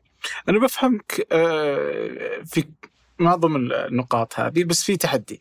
يعني آه، واحد إنه وش الحوافز اللي أنا بخ... بعطيها الدكاترة في السعودية أو في الجامعات آه، علشان يبدون يسوون أبحاثهم. فوش النظام اللي أنا بخلي فيه حوافز معينة؟ اليوم ممكن المكافآت أو حتى الترقيات. الترقيات ما تتم إلا على أبحاث. صحيح. ف... ف كيف أخلي المنظومة تحفز الناس إنها تسوي أبحاث لازم أحط حوافز معها صحيح واثنين إذا بأخذ إنه ليش أنا أنشرها عندهم إنه ما في مجلات عربية ولا سعودية يعني ف إذا ما أنشر عندهم أنشرها عند وين؟ طيب. فإن المنظومة العلمية عندي مهترئة وإنها غير مكتملة. فتخلي آه، التحدي يصير صعب إن إنك تنتج لحالك فأنت لازم تضبط البنية يعني المنظومة كاملة ثلاثة إذا إنه ننشر بالعربي فأعتقد إن العالم اليوم خلاص يعني يستسلم للموضوع هذا وإن الكل ينشر بالإنجليزي مم. فحتى الصينيين وهم اللي عندهم أكثر آه، نضجا في المنظومة ال- ال- العلمية ينشرون برضو الأبحاث العلمية لا تكون يعني معتبرة إلا إذا نشرت بالإنجليزية مم. فحتى الصين والهند آه، بالمليارات آه، ينشرون بالإنجليزية. آه، وبالنسبه للأهداف والمستهدفات أتوقع أنها تختلف من دولة لدولة وأنهم ياخذونها بالاعتبار مثلا زي صندوق النقد الدولي ولا الصناديق الدوليه ولا الشركات الكبرى إنها تعتبر اهتمامات الدول المختلفة. وفي عندنا أعتقد أن الرؤية أعلنت عن آه وش ال- الأطروحات البحثية اللي تبغاها. حددت إنها الاستدامة يعني خمس أشياء اللي مفترض إن الأبحاث تركز عليها عشان تعطي الدعم عليها. طيب ابو عمر شوف آه، أنت قلت آه، صراحة كلام مهم وممتاز وجميل إنه الموضوع فعلا يفترض إنه يدرس بطريقة استراتيجية، يفترض إنك تحفز الباحثين معنويا وماديا صحيح. ما أنا أتفق مع المبدأ هذا وأنا ترى مع يعني يمكن. يمكن بعض الزملاء طبعا يعتبون علي وكذا إنه مثلا دعوت مثلا إيقاف مكافأة التميز قطع رزق، لا ما بالقضية ترى كذا، بالعكس والله أنا أسعد الناس يعني، أنا ترى مرة من المرات أنا كنت عضو المجلس العلمي بالجامعة. وكان في بحث يفترض يروح عشان يأخذ مكافأة أنا وقفت أنا حطيت ملاحظة على نفسي والله. يعني شوف ما تبي أي شيء يدخلك يعني. فالقضيه ترى لأنه الحمد لله تأخذ راتب وأنت بخير يعني. يعني يجيك 10000 وبعدين ولا 15000 وبعدين. طبعا مبلغ زين ما نقول ما نقول في شيء بس إنه فالش- فالشاهد إنه أنا مع مع مع المكافأة. وخاصة إنه بصراحة الأساتذة يعني دخولهم عادية. وترى على فكرة كذا العالم. العالم يعني دخلك ترى ما انت ما أنت بتصير تاجر أنت. وسيارك بنتلي لا سيارك عادية من أوساط الناس ولبسك من أوساط وروحك وسفراتك. يعني عالم. ترى جزء من اللي يروحوا يجي نشوفهم بجائزة نوبل يجون على سيكل الجامعة. إي يعني هذا الباحث. إذا أنت بتجارة رحل مجال ثاني. فهذا هذا جزء. إذا لكني أنا مع كل ذلك. لست بالعكس يعني التحفيز المادي والمعنوي مطلوب بس يكون دراسة. ولست ضد النشر في كل مجلات ال ISI وسكوبس وانه كل أبحاثنا بالعربي. لا. في مجلات جدا ممتازة وي- وي- وي- ويعني ويفيد إننا ننشر فيها. بس ترى العلم مرة ثانية. هذا جزء من فهم طبخة العلم. العلم نوعان علم نظري نسميه وبح- وبح- أبحاث نظرية وأبحاث تطبيقية، الأبحاث النظرية تسمى basic research، هذا متعلق فعلا هذا هذا يتعلق بنية العلم، ولذا عشان كذا لما أنت تعطي بحث نظري basic research أنت فعلا على مستوى إنك فعلا تقدم بحثا يسهم في تطوير العلم ذاته. وهذا شيء عظيم.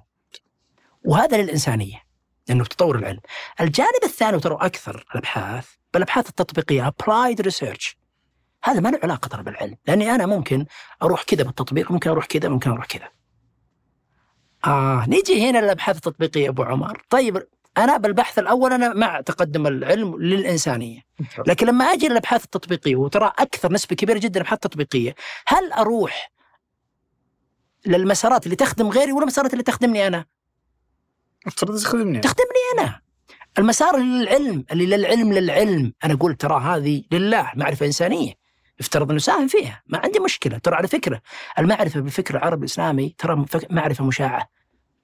حنا حنا صراحة نؤمن بأن المعرفة مشاعة. عشان كذا مع لكن لو جيت الابحاث التطبيقية لا. أنا ما أروح أبحث للأشياء اللي تخدم غيري وربما بطريقة تؤذيني أو تضرني بشكل مباشر أو غير مباشر وإنما الأشياء اللي فعلا تخدمني. عشان كذا الموضوع يبي دراسة.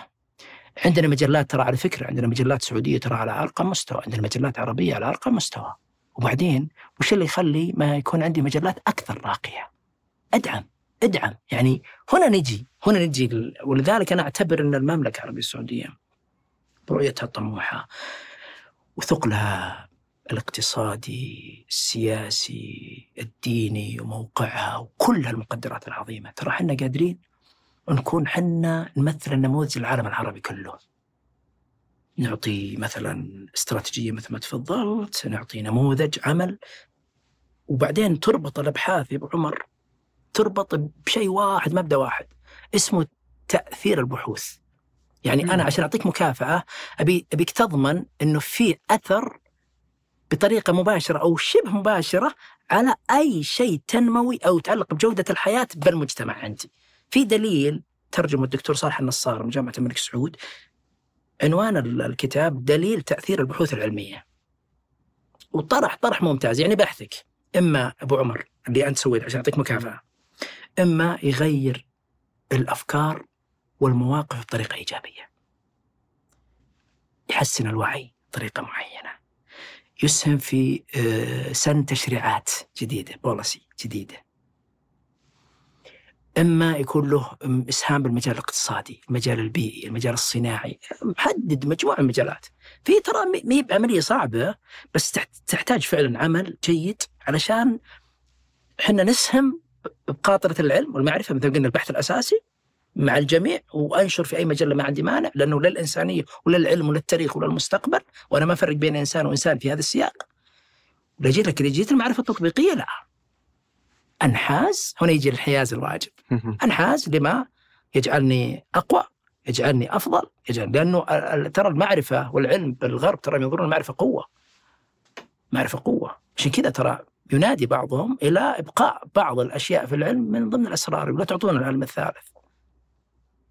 ويعني شفناها اليوم في ال- الحرب ال- الأمريكية الصينية إنه منعت أي شيء له علاقة ب يعني الصين منعت اعتبرت أن خوارزميات تيك توك من مهددات الأمن القومي. ومنعت انه يصدر إلى أمريكا. بالضبط. يعني لأنه يوم أمريكا كانت تبغى تأخذه واليوم تقدر تشوف هذا ال- بالضبط. الحرب. بالضبط. واشباه الرقائق صارت أمريكا تمنحهم إيه إيه. لدرجة إنهم حطوا قانون مؤخرا قالوا اللي يبغى يشتغل في شركة صينية تشتغل في هذا القطاع يختار إما جنسيته أو يشتغل معه. إيه. فتسحب الجنسية الأمريكية من أي أمريكي بالضبط. يشتغل فيها ل- لأن أبو عمر ترى شوف ال- الغرب نظرته للعلم والمعرفة ترى نظرة نظرة فيها مادية مسلعن يعني المعرفة مسلعنة يعني إذا ما كان له قيمة اقتصادية ترى نحن لا صراحة مع- معرفتنا والله يعني في- فيها سمو. أنا ب- أبي يتقدم العلم للعلم بس شوف أنا ما أبي يتقدم العلم بكل اتجاه. أنا ترى إحنا بالفكر العربي الإسلامي عندنا إحنا لأن عندنا نظرتين إحنا. شيء يعني مبدأ يسمى مساءلة العلم هل العلم يساءل ولا ما يساءل؟ إيش تقصد إنه يساعد؟ يعني هل في مساءلة دينية وأخلاقية للعلم ولا ممكن العلم نخليه بعض الناس يقول لك لا خلى العلم لا تجيب طاري الدين والأخلاق بالعلم خلى العلم يمشي. طيب من اللي قال الكلام هذا؟ أنا أقول وحده الذي لا يساءل وهو الله. كل من لا يساءل ترى يستبد ويتغول. فالعلم إذا تركته استبد وتغول. وبعدين يدخل لي مجالات آه، ضارة للإنسان. يدخل لي مجالات ضارة استنساخ و... وأعمال أبحاث جينية وتخليق إنسان وقطع غيار بطريقة معينة والآن حتى مع الشذوذ مثلا قضية إنه خلاص يعني يعني الشذوذ مثلا ذكر مع ذكر والله نصنع لك الولد يجيك من المعمل جاهز والمواصفات اللي تبون. يعني يعني هذه المسارات لا إحنا نقول إنه العلم ب- ب- بالمنظار الديني الأخلاقي علشان لأنه مرة ثانية ما له علاقة بالعلم ترى هذا تطبيقات العلم.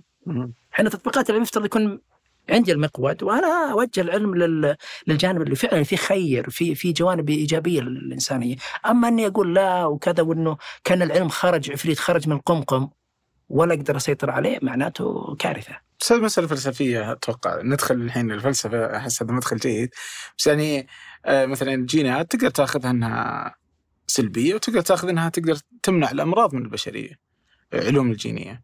تقدر تأخذ برضو الذكاء الاصطناعي ممكن أنه يخلي البشر يعني يعيشون حياة أفضل وتطور آه، مهول. ممكن تأخذها برضو كيف إنها بتخلي في تحكم عالي من الشركات والحكومات. آه، وعلى ذلك فقس يعني. صح صح أبو عمر. أنا أتفق معك طبعا. ولذلك الموضوع تراه مو إنه ناخذ نظرة آه، أبو عمر ضدية تماما الأبحاث الجينية أغلق. لا لا بس لو لا حاكمناها كما بديناها. يعني لو حاكمنا الجينات على إنه يعني المآل حقه إنه اليوم إيه. تقدر تصمم طفلك كيف تبغاه إيه. والانابيب واستئجار الرحم ومدري إيش إنها ممكن تأخذها مثلا لما يعني في المثال هذا. بس تقدر تأخذه برضه في المكان الصحيح. الأطفال اللي عندهم إصابات جينية كيف نقدر نعالجهم. هو شوف هو نعم الأزواج اللي ما يقدرون يجيبون أولاد إي. نقدر. نعالجهم ويصير عندهم أولاد يعني بالضبط. وهذا حق من حق بالضبط. عشان كذا عشان كذا شوف أبو عمر هي قضية صراحة معقدة، إحنا ما نستطيع طبعا إحنا ندردش الآن دردشه خفيفة، ما نستطيع طبعا ابدا نجزم بشيء، بس إنه أنا بس أقرر مبدأ مساءلة العلم. أنا أنا كعربي مسلم، هل أنا مع مساءلة العلم ولا العلم أخليه مفتوح؟ يعني هنا يجي الفرق. عاد يجي فريق من العلماء والخبراء، العلماء متخصصين في في الجينات وعلماء دين وعلماء إنسان يجلسون ربما سنة يا أبو عمر يمكن يطلعون ويحتاجون سنة ثانية ما ليست القضية معقدة فعلا واشكاليه نحن لا نفتي بشيء بس إحنا نقرر مبادئ. انه والله العلم مسائل في مساءله دينية أخلاقية. عاد وش عملية الضبط؟ ها؟ وعملية التوجيه. هنا يأتي يأتي يأتي دور ال- البحث العلمي الرصين اللي يضبط المسألة. م. ولا مثل ما تفضلت في فوائد ويعني مجالات. بس ودي أرجع أبو عمر القضية أنت قلتها أبو عمر. آه، أنا أشوف انها مهمه وهي قضية إنك أنت قلت إنه العالم سلم آه، بالإنجليزية. بالانجليزي اي. هذه هذه خطيرة جدا أنا طبعا اخالف تماما حول هذه القضية؟ في باحث باحث كبير صراحة في المجال اسمه سكوت مونتجمري له كتاب شهير بعنوان هل يحتاج العلم إلى لغة عالمية؟ مم. نفس الفكرة اللي أنت قلت طبعا هو يعني يخلص إلى أنه إيه وأنه الإنجليزي وأنه خلاص واكتبوه سلموا وكذا وطبعا تكلم إنه والله في قرابة أكثر من ملياري شخص يتحدثون بأكثر من 120 دولة وإنه المجلات الآن وبعدين فعلا يعني فيه خضوع واستسلام عجيب حتى داخل الدول الأوروبية، تعرف الآن فرنسيين اللي كان إحنا نقول والله فرنسيين معتزين بلغتهم بدأوا يدرسون الآن الدراسات العليا ماجستير والدكتوراه بالإنجليزية والألمان وغيرهم وغيرهم، كله علشان مرة ثانية السوق النيوليبرالية ها؟ يعني اقتصاد. سلعنة لكن صدقني هذا سيضر الألمان وسيضر الفرنسيين وسيضر كل هذه الشعوب التي لماذا؟ أبو عمر التفكير يتعلق باللغة أنت لا تستطيع أن تفكر بعمق إلا بلغتك الأم. حن تدري عدد الكلمات باللغة العربية تقدر ب 12 مليون. أعظم لغة وأكثر اللغات ذخائر لفظية وقدرات اشتقاقية و... هذا موضوع آخر. لسنا حديثا عن سمات اللغة العربية. خلك أي لغة لو تحكي عن اللغة الأردية، لو لغتك الام اللغة الأردية، أنت عشان تصل لمرحلة من مراحل التفكير التجريدي الخلاق الإبداعي لازم تفكر بلغتك الام.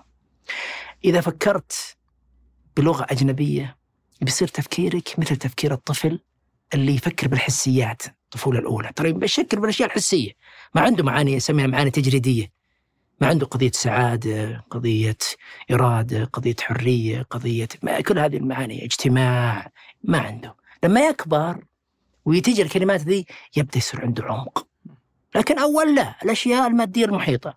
ترى إحنا إحنا بعيدين عن مرحلة الطفل، ترى بالإنجليزي وطبعا مع إننا طبعا نتوهم إننا مسيطرين عليه وكل واحد يقول أنا يعني أفت فت باللغة بس صراحة يعني مهما كنت ترى ما أنت بصاري مثل لغتك الأم صحيح. فأنت بتصير وش أنت كباحث؟ أنا لذلك أنا أقول الباحث اللي اللي, يفكر ويكتب باللغة الإنجليزية هو حقيقة الأمر مو باحث هو مساعد باحث. لأنك ما تصل نعم ما تصل المستوى التجريديه وتفكر بالبارادايم والنظريات والعمق اللي يفكر فيها أهل اللغة الانجليزي والامريكي والكندي. هذه لغته يصل لمستويات. أنت محدود عشر آلاف خمسة عشر ألف كلمة إنجليزية محدود. لكن باللغة العربية كم عندك؟ تكلم عن مئات الآلاف ترى عندك وعندك قدرة اشتقاقية يسمى فيه تفكير شجري. الحين لما أقول لك أبو عمر إيميل. إيميل كلمة مصمتة مثل مثل الحجر المصمت. إيميل. تقدر تجيب منه شيء؟ لا. لكن لما أقول لك بريد شبكي.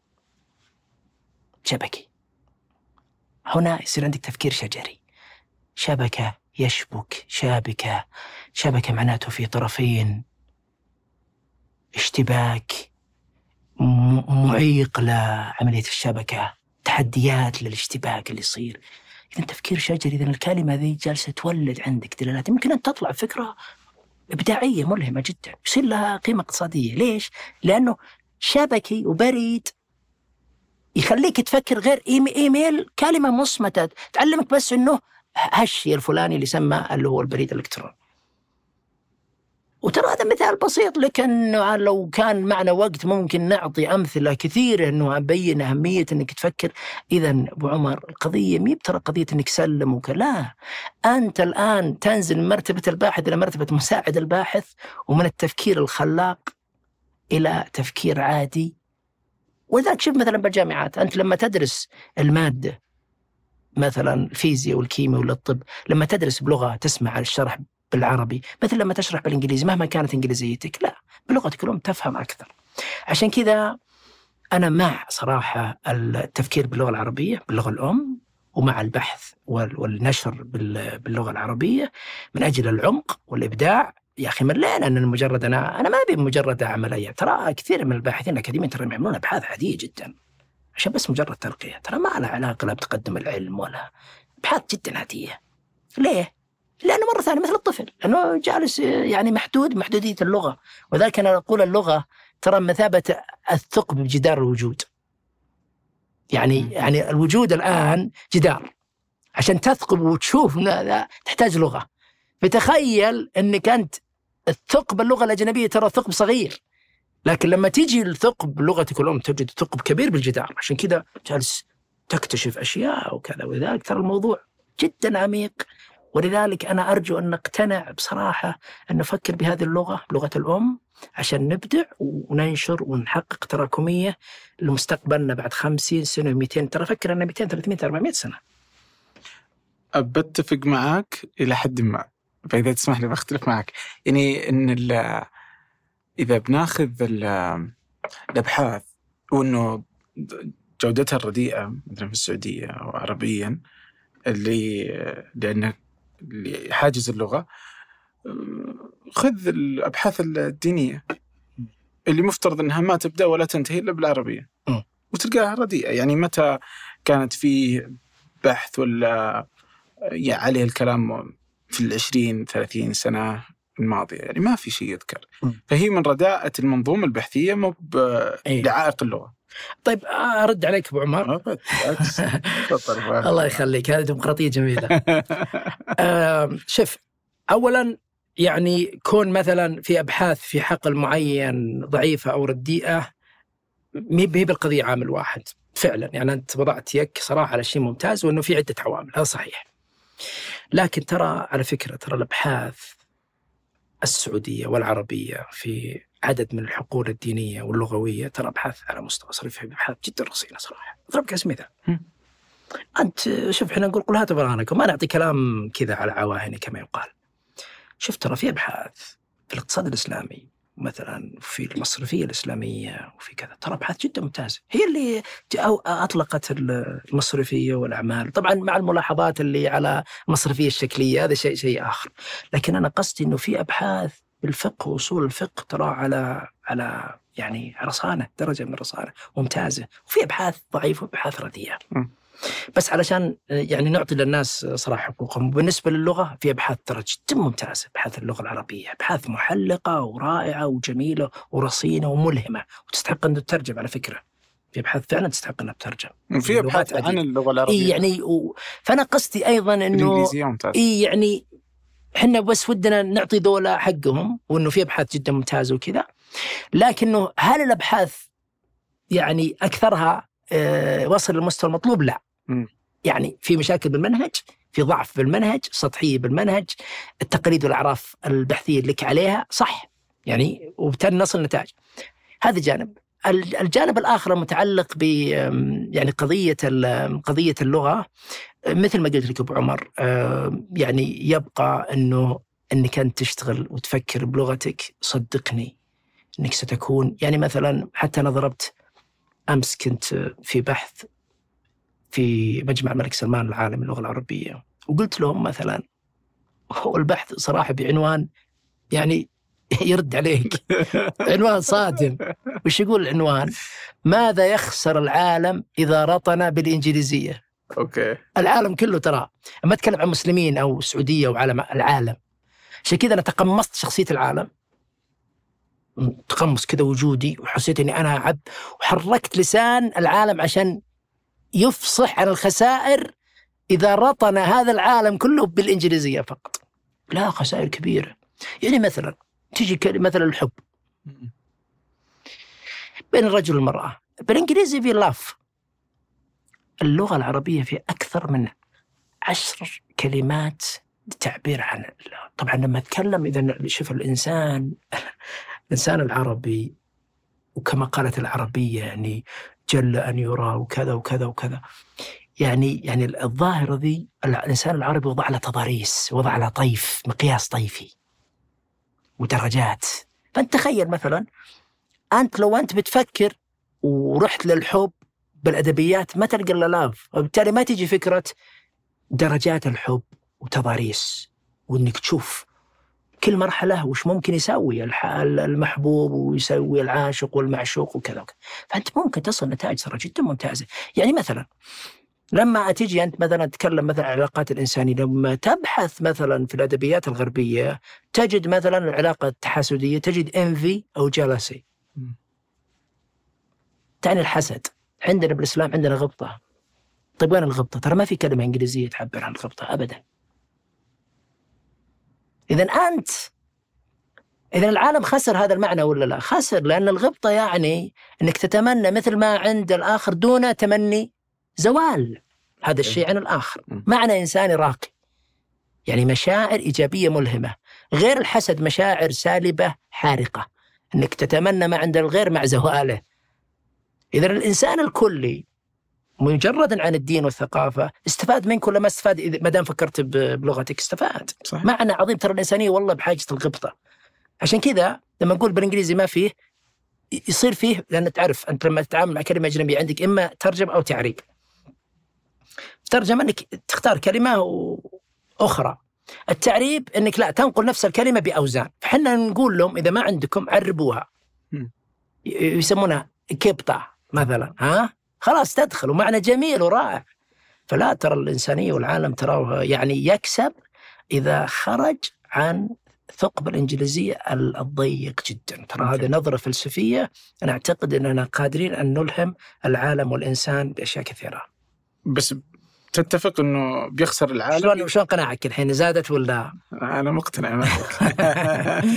لا لا بس إنه آه، بتخسر البشرية إذا تكلمت كل كل يعني إذا إذا تكلم العالم باللغة العربية باللغة العربية صحيح؟ أب إيه ما ما أنا ضد الأحادية إي فإحنا إيه. نسلم إلى إنه اللغة. الواحدة كل أنا مع خسارة على البشرية أنا مع الت- أبو عمر مع التفكير باللغات الأم مم.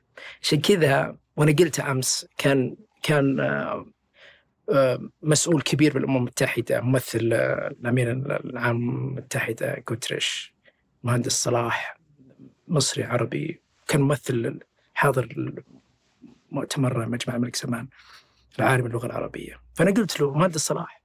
أنا كنت في اليونسكو قبل آه، يمكن سبع ثمان سنوات وقابلت آه، يعني آه، زميلة في اليونسكو شغالة والله نسيت وش جنسيتها. فطرحت عليه فكرة.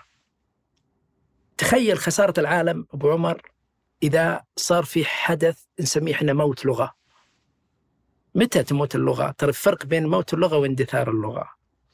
اندثار اللغة لما تكون اللغة موجودة و- وفي ناس يتحدثونه لكن ما يتحدثون بالحياة العامة، يتحدثون مثلا بالمجالات ال- ال- الدينية مثلا، مثل ما صار مثلا مع ال- مع العبرية، صار وصلت الاندثار. بالحياة العامة يتحدثون بالروسية، يتحدثون بالبولندية يهود ال- الغرب. وفقط العبرية يستخدمون لما يروحون للكنيس مكان العبادة، هذه يسمى مرحلة اندثار. الموت. لا لما يموت آخر واحد في العالم يتحدث هذه اللغة.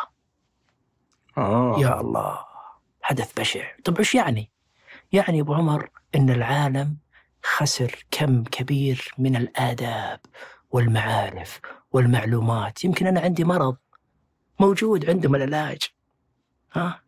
عندي معنى معين موجود في هذه اللغة. بس ماتت اختفت. خسارة كبرى. خلاص يعني كأنه لغة. كلها التاريخ والأعراف والتقاليد والممارسات والتجارب والأعشاب وغير الأعشاب والصحة وكذا. مرة خلاص انتهت. فأنا قلت لهم قلت ليونسكو وأمس قلت لل- للأستاذ اللي يمثل الأمم المتحدة أمين الأمم المتحدة قلت له ليتكم تعملون باليونسكو فيلم سينمائي يصور بشاعة موت لغة. يجسد المعنى طبعا المعنى فلسفي أنا ما أدري شلون أنا حاولت صراحة إني أرسم سيناريو بس عجزت موضوع ليس سهلا بس ممكن بعض المبدعين يصور الحقيقة. ممكن يكون فيلم قصير يعني ليس شرط أن يكون كبير بس أنه هي المقصد. إذا أنا مع التفكير باللغة الأم لأنه يحافظ على كل المعارف الإنسانية ويجعل الإنسان آه، خلاقا ومبتكرا مهم. آه، آخر حاجة على ال- ال- النقاش على اللغات آه، فيه آه، يعني بعطيهم حقهم اللي جامعة الملك عبد الله العلوم والتقنية كاوست إيه. يعني ينتجون آه، أبحاث علمية إنجليزية آه، أبحاث علمية آه، رائعة جدا ومفيدة للعالم كله. آه، وينافس على مستوى العالم يفوزون بجوائز عالمية. آه، وتنتج من خلالها منتجات رائعة. جدا. ف... فأحس متى ما ضبطت المنظومة البحثية وفرغوا الباحثين من التدريس تمام. إلى أنهم ي- يركزون على الأبحاث تمام. آه، والمهام الإدارية نقدر ننتج. يا سلام. وطريقة تفكيري قد تكون بالعربية بس. هو أني أنا بترجمها إلى الإنجليزية في ممكن. الكتابة البحثية يا سلام عليك. أنا هذا نموذج ممتاز أبو عمر. هذا أبصم عليه بالعشره وبالتالي هي ليست القضية إنه خلاص كل أبحاثنا ما نكتب بالإنجليزي أبد لا. هي فيها توازن. بس إني أسلم وأخضع لا على الأقل على الجانب الفلسفي والنقدي. يجب ان ينقد الظاهرة لأني أنا أنظر ل 200 و300 و400 سنة أنظر أنظر الحضارة أن نصير نعود مرة أخرى إلى إلى دول من الدول الهامشه لدول المركز. وبالتالي يفترض ما تكون نظرتنا بالعشر والخمسين سنة وكذا لا ولذلك النموذج كاوست يعني نموذج مشرف نموذج جامعة ال- الملك فهد للبترول والمعادن نموذج أيضا مشرف وبعض جامعاتنا أيضا تقدم بعض النتائج البحثية الجيد الرصين صحيح وبالإنجليزي ما في إشكال آه. آه، إلا لا ما في إشكال. أنا أتوقع أن اللغة الإنجليزية يعني مفترض أن ما في عداء تجاهها. بالضبط. بس ب... ولا في تسليم لها. بالضبط. ففي مكان في النص. بالضبط. آه وشو هذا؟ هذا بالضبط. مكان نقاش. تمام. هذا ه- هذه خلاصة ممتازة. ممتاز. إي لا لا رائع. آه فيه الدكتور اللي ذكرت الدكتور الفيزياء اللي كتب آه كتاب آه نمو ال- العلم ولا نمو المعرفة؟ توماس كون بنية الثورات العلمية.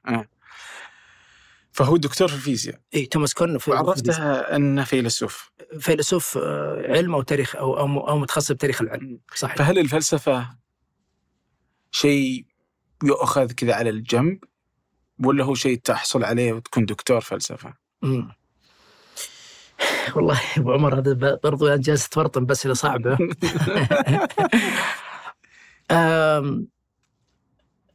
شوف أبو عمر و- وش رأيك على أساس كأس العالم؟ إيه.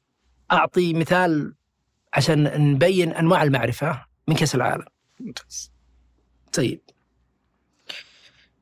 الفلسفة يهمه تسجل هدف بطريقة جديدة وبحيلة لو بدربكه لو جاء الهدف دربكه. وبعدين وبعدين نشوف وش الموضوع. العلم بيسجل هدف بطريقة مدروسة. ما هي بطريقة جديدة وحيلة. لا بطريقة مدروسة باقل تكلفة. سجل هدف مثلا يقول لك الضربات ال- ال- ال- ال- الثابتة. يعني ما بجهد بس طق راسه. سجل. طيب المعرفة الدينية. تيجي تقول لك سجل هدف بس يا أخي شوف البعد الغائي شوف البعد الأخلاقي. لا تكسر لا تؤذي أحد. ما معقول إنك تصيب أحد بطريقة يعني سجلة. حلو. المعرفة الأدبية والفنية يقول لك سجل هدف بطريقه جميلة دبل كيك ها شوف ترى حتى الأشياء البسيطة أستطيع أن أوظفها علشان أفهم المعارف وانواعها وكذا وكذا. طيب نجي ناخذ ال- المعرفة الفلسفية.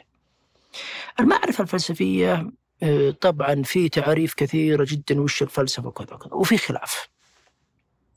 لكن المعرفة الفلسفية بشكل عام هي تدور حول فكرة الأسس أسس الأشياء، أصول الأشياء، علل الأشياء، أسباب الأشياء.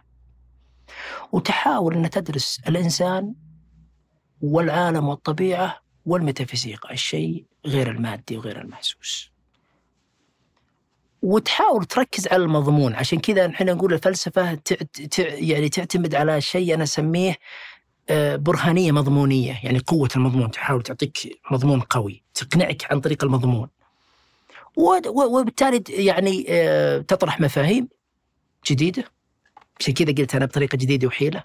إذا عندك مفاهيم تهز المفاهيم المفاهيم الساقطة تهزها. في تنتج تنتج مفاهيم جديدة تنتج مناهج جديدة في التفكير. بالتالي أحيانا بعض الحقول أبو عمر ال- بالعلم.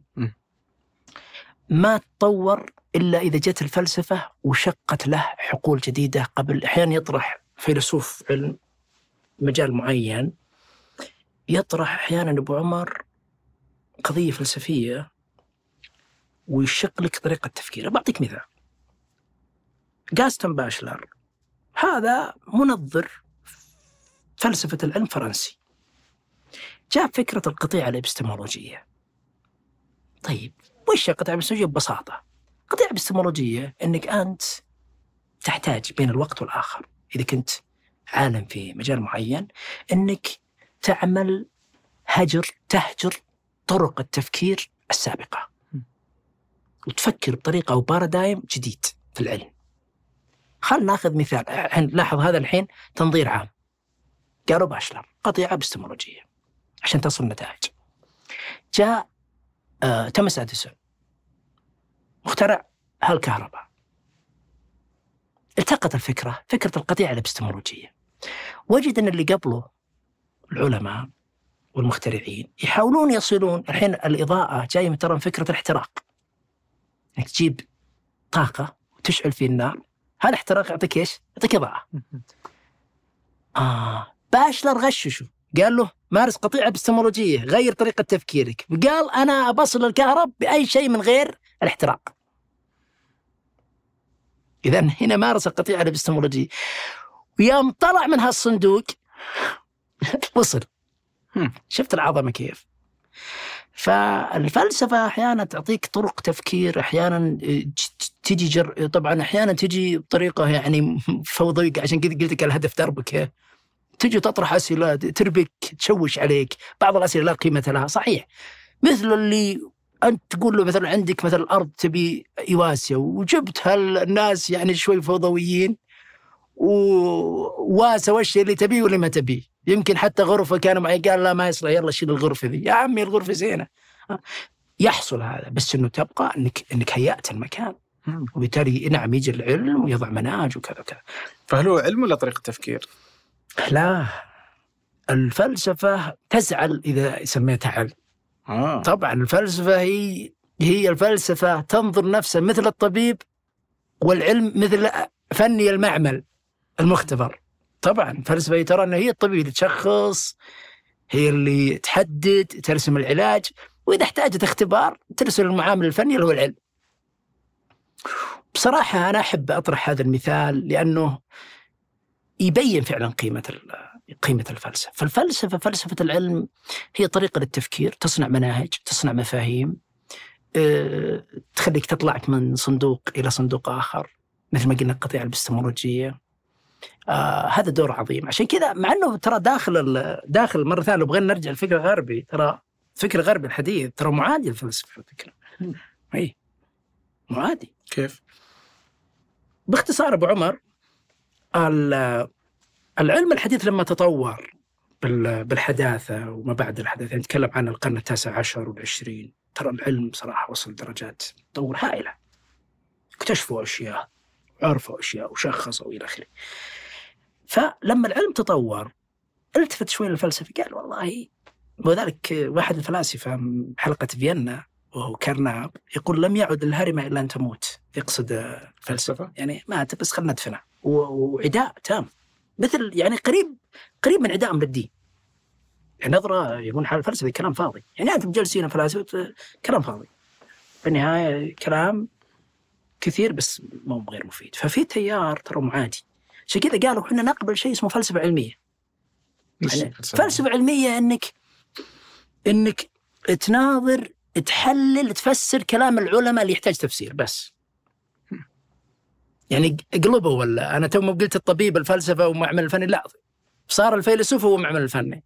يعني العالم إذا جاب نتائج وبوه كلام غير واضح تجي أنت تفسر.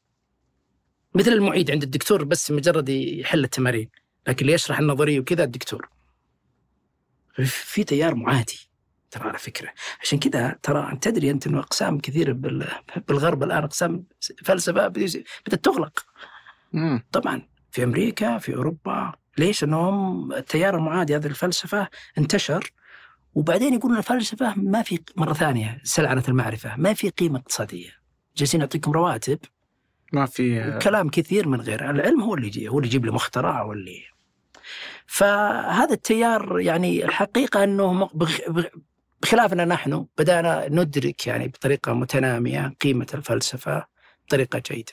بس إنه الخطورة مرة ثانية أبو عمر إنه في ناس يمكن داخل العالم العربي الإسلامي يتحمس الفلسفة أكثر من اللازم وأنا شيء هذا أسميه استبدادية الفلسفة. يعني إنه يخلي الفلسفة هي المصدر الأوحد للمعرفة. لا غلط. وين وين وين الدين؟ وين العلم؟ وين الأدب والفن؟ إذا إحنا قلنا أربع مصادر. صح. آه يخليها مي مي بالاوحد الاسمى يخلي لها هيمنة. لا غير صحيح أيضا. لأنه آه، المعرفة الدينية هي الأسمى والأعلى في مجالها، المعرفة العلمية في مجال، المعرفة الفلسفيه وهكذا. هذا الشيء يسميه استبدادية الفلسفة، أيضا هذا يقلقني، يعني إقصاء الفلسفة يعني مقلق لانك بتخسر هذا ال هذا ال هذا الإلهام. والمفاهيم والمناهج و وأيضا الرفع من شأن الفلسفة بطريقة يعني متشنجة وبطريقة كذا في نسف أيضا فمرة ثانية بس خير تعتقد الوسط. إنها منطقية آه، في انه الفلسفة يعني يعني فكرة أفقية بينما كل العلوم الثانية تكون عمودية يا سلام عليك فلذا الفلسفة لها بعد آخر بعيد عن كل العلوم الثانية فالفلسفة تدخل في الدين مم. الفلسفه تدخل في العلوم التطبيقية في العلوم التجريبية في الأس- في الفيزياء في ال- في كل ال- ال- شتى أنحاء العلوم جم جميل فلذا هي اسمى أو أقدر أعطيها أي. طبقة تختلف عن بقية العلوم أي. الثانية والله شوف أبو عمر أنت أنت الآن أشرت إلى إلى نقطة جدا ممتازة وهي إحنا نفرق ما بين التراكمية الموجودة بالفلسفة والعلم. الفلسفة آه، طوابق آه، عمارات بجنب بعض. العلم أدوار فوق بعض. عشان كذا إحنا نقول الفلسفه تراكمية أفقية غير تجاوزية. بينما العلم تراكمية رأسية تعاقبية. العلم لما تيجي نظرية في الغالب ترى بعد مو 100% بس في الغالب الاعم لما تيجي نظرية تنسف النظرية السابقة يعني يعني يعني يعني أينشتاين يعني غطى على نيوتن مع إنه في أجزاء من نيوتن ما تزال صحيحة طبعا بس إنه بالتالي العلم فعلا ينسف لكن تجي للفلسفه لا. أنت تعمل منظور مدخل فلسفة مدرسة تيار حط نحطه هنا. يجي واحد نحطه بجنبه. ولذلك في استدعاء ترى الأفكار موغله بالقدم بالفلسفة. وما تزال تثبت نفسها. مع إننا بالعلم كنا نتوقع توهمنا إنه خلاص نسف كل شيء لا في استدعاء. عشان كذا باسكال لو كلمة جميلة يقول القدماء أكثر شبابا منا. ففي في في استدعاء فعلا. فالفلسفة هذا جانب آه، يعني يعطيها فعلا قيمتها. آه، طبعا أنا أقول إنه ال- المعرفة الدينية هي الأسمى بالنسبة لنا كمسلمين. المعرفة الفلسفية لها قيمة كبيرة.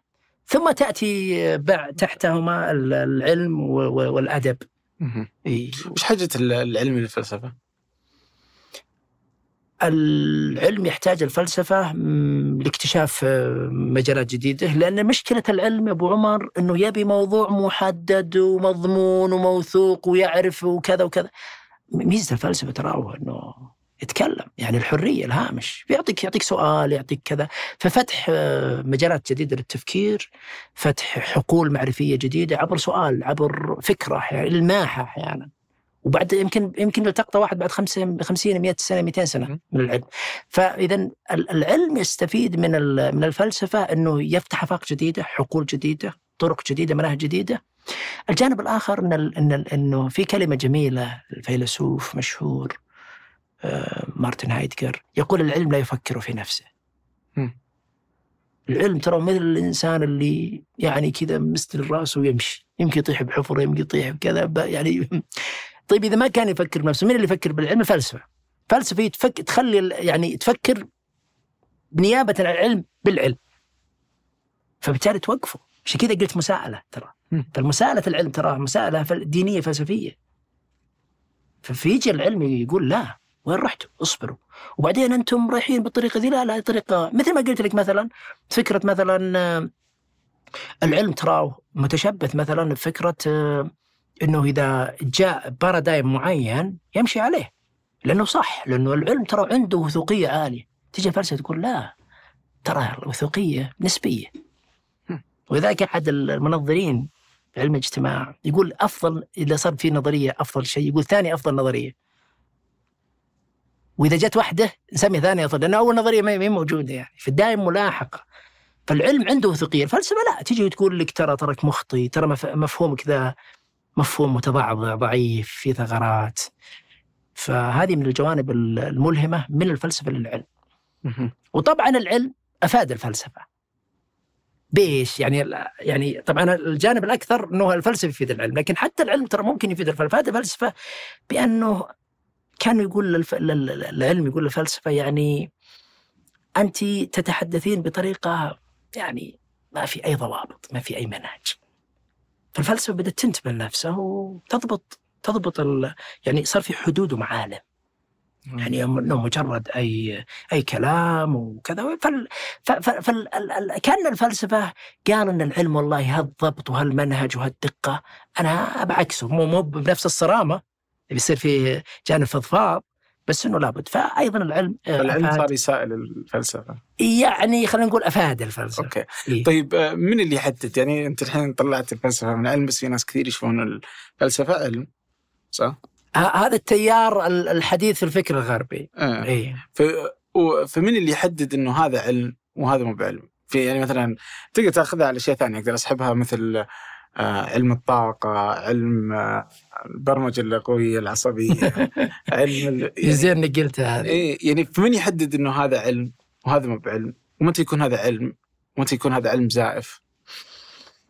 طيب أبو عمر هذا ممتاز آم، فعلا حنا اصبنا في الفترة الأخيرة بال- بالعلوم الزائفه العلم الزائف طيب آه، ال- مو ضابط ممتاز للعلم الحقيقي والعلم الزائف. اللي هو ضابط بسيط برضو بالقرآن. قل هاتوا برهانكم. إنه العلم الحقيقي يعطيك برهان ودليل. ممتاز. ما يجي يقول لك غمض وأنا إيجابي ولا دائره كذا لا يعطيك دليل يعطيك برهان. يعني واذا كتبت أنا ب 2007 اظن يعني بحث نقدي عن برمجة اللغة العصبية والخرابيط اللي صارت. برمجة اللغة العصبية يعني علم زائف لكن تيجي علم النفس متماسك في أدلة. بغض النظر عن الدليل الدليل عاد أحيانا الدليل انت تقبل بعضه أو ما ت- بس المهم إنه عنده عنده عنده أصلا منهج إنه يعطيك دليل. هذه لا كلام. فهذا ضابط عام. لكن ترى نوقش أيضا بالف- بالفلسفة مرة ثانية. الحين من اللي يعني العلم نفسه لأن قلنا العلم لا يفكر في ذاته. فالعلم مو بقادر نفسه يفرق بينه وبين العلم الزائف. من اللي يفكر ويعطيك الفلسفة. مرة ثانية. فأنت تحتاج الفلسفة عشان تمايز ما بين اجزاء العلم الحقيقي واجزاء العلم الزائف. فصار في طروحات. من ضمن الطروحات آه، جاك واحد آه، منظر طبعا كبير آه، اسمه كارل بوبر. هذا نمساوي يهودي راح لبريطانيا. وكنت بقابله أنا. بس صارت نكتة صراحة. أنا رحت آه، الدكتوراه ببريطانيا ب 16 يناير عام 2000 مانشستر. طيب يوم رحت وين كنت راسل تسعة تعرف بدأت الإنترنت ب 99 عندنا. على طول أنا يمكن من أوائل الناس اللي عملت بريد شبكي وكذا بديت أراسل وكذا. هي دخلت 98 عند دوائر معينة هاتف وكذا. للناس اظنها اتيحت باول 99 أو شيء من هذا القبيل. المهم فأنا قلت أول ما أروح إن شاء الله هناك بريطانيا ابى أروح لندن وبحاول أقابل كارل بوبر. لأني عندي اهتمام بالابستمولوجيا فلسفة العلم. اللي صار المهم يوم رحت هناك وعاد صارت الإنترنت يعني متوفرة وكذا وأبحث والقاه متوفى 1994 أنا ما دريت اي قبل ست سنين متوفى ها؟ آه المهم آه، راح الموضوع. فطيب كارل بوبر آه، طلع آه، كتاب عام 1932 بالألمانية لأنه نمساوي. آه، مرة ثانية يفكر بلغة الأم اللي هي الألمانية. طلع كتاب عام 1932 آم، عنوانه منطق الكشف العلمي المهم ال- الموضوع اللي نستله من هذا اللي يهمنا هو موضوع آه، تفريق ما بين ال- العلم الحقيقي والعلم لأنه هو كان من يوم عمره 19 يدل على إنه عقلية جبارة. يقول كان راح مع واحد من تلامذة من تلامذة فرويد. أظنه أدلر. فيقول بديت أشتغل معه. يقول اكتشفت جاء واحد وقال ان عندي طفل ويوم جاي يشرح قال خلاص لا تشرح يعطيها تشخيص وكذا. يقول قلت له شلون يعني تعطيه تشخيص وانت ما وصف يعني وعلاج؟ وانت ما سمعت التشخيص. قال لا لا أنا سمعت ألف حالة وهذه ألف واحد. يقول يعني أعطيت ملاحظة. يقول وشفت أنه يستخدم فرويد منهج فرويد لتفسير حالة وحالة مضادة. فكأنه النظرية بتاع كله. تفسر ولذلك يقال النظرية تفسر كل شيء لا تفسر أي, أي شيء. شيء. نعم. خطير الكلام. فيقول انسحبت. عرفت إنه ما عنده سالفة. وعرفت إنه يقول عمر تخيل عمره 19 ويجي بباله السؤال اللي طرحته أنت عمره 19 ما الفرق بين ال- النظرية العلمية والنظرية الزائفه؟ جلس يفكر يفكر. اختصارا أنه توصل لنتيجه إلى أن النظرية العلمية هي القابلة للتكذيب.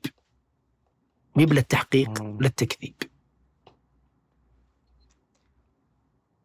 يعني أنا لما لأنه مثلا نظرية مثلا فرويد واحد من المحللين النفسيين واحد جاء وقتل طفلا تيجي النظرية تقول إيه هو على أساس شعور بأنه بيحقق ذاته وكذا وكذا وكذا.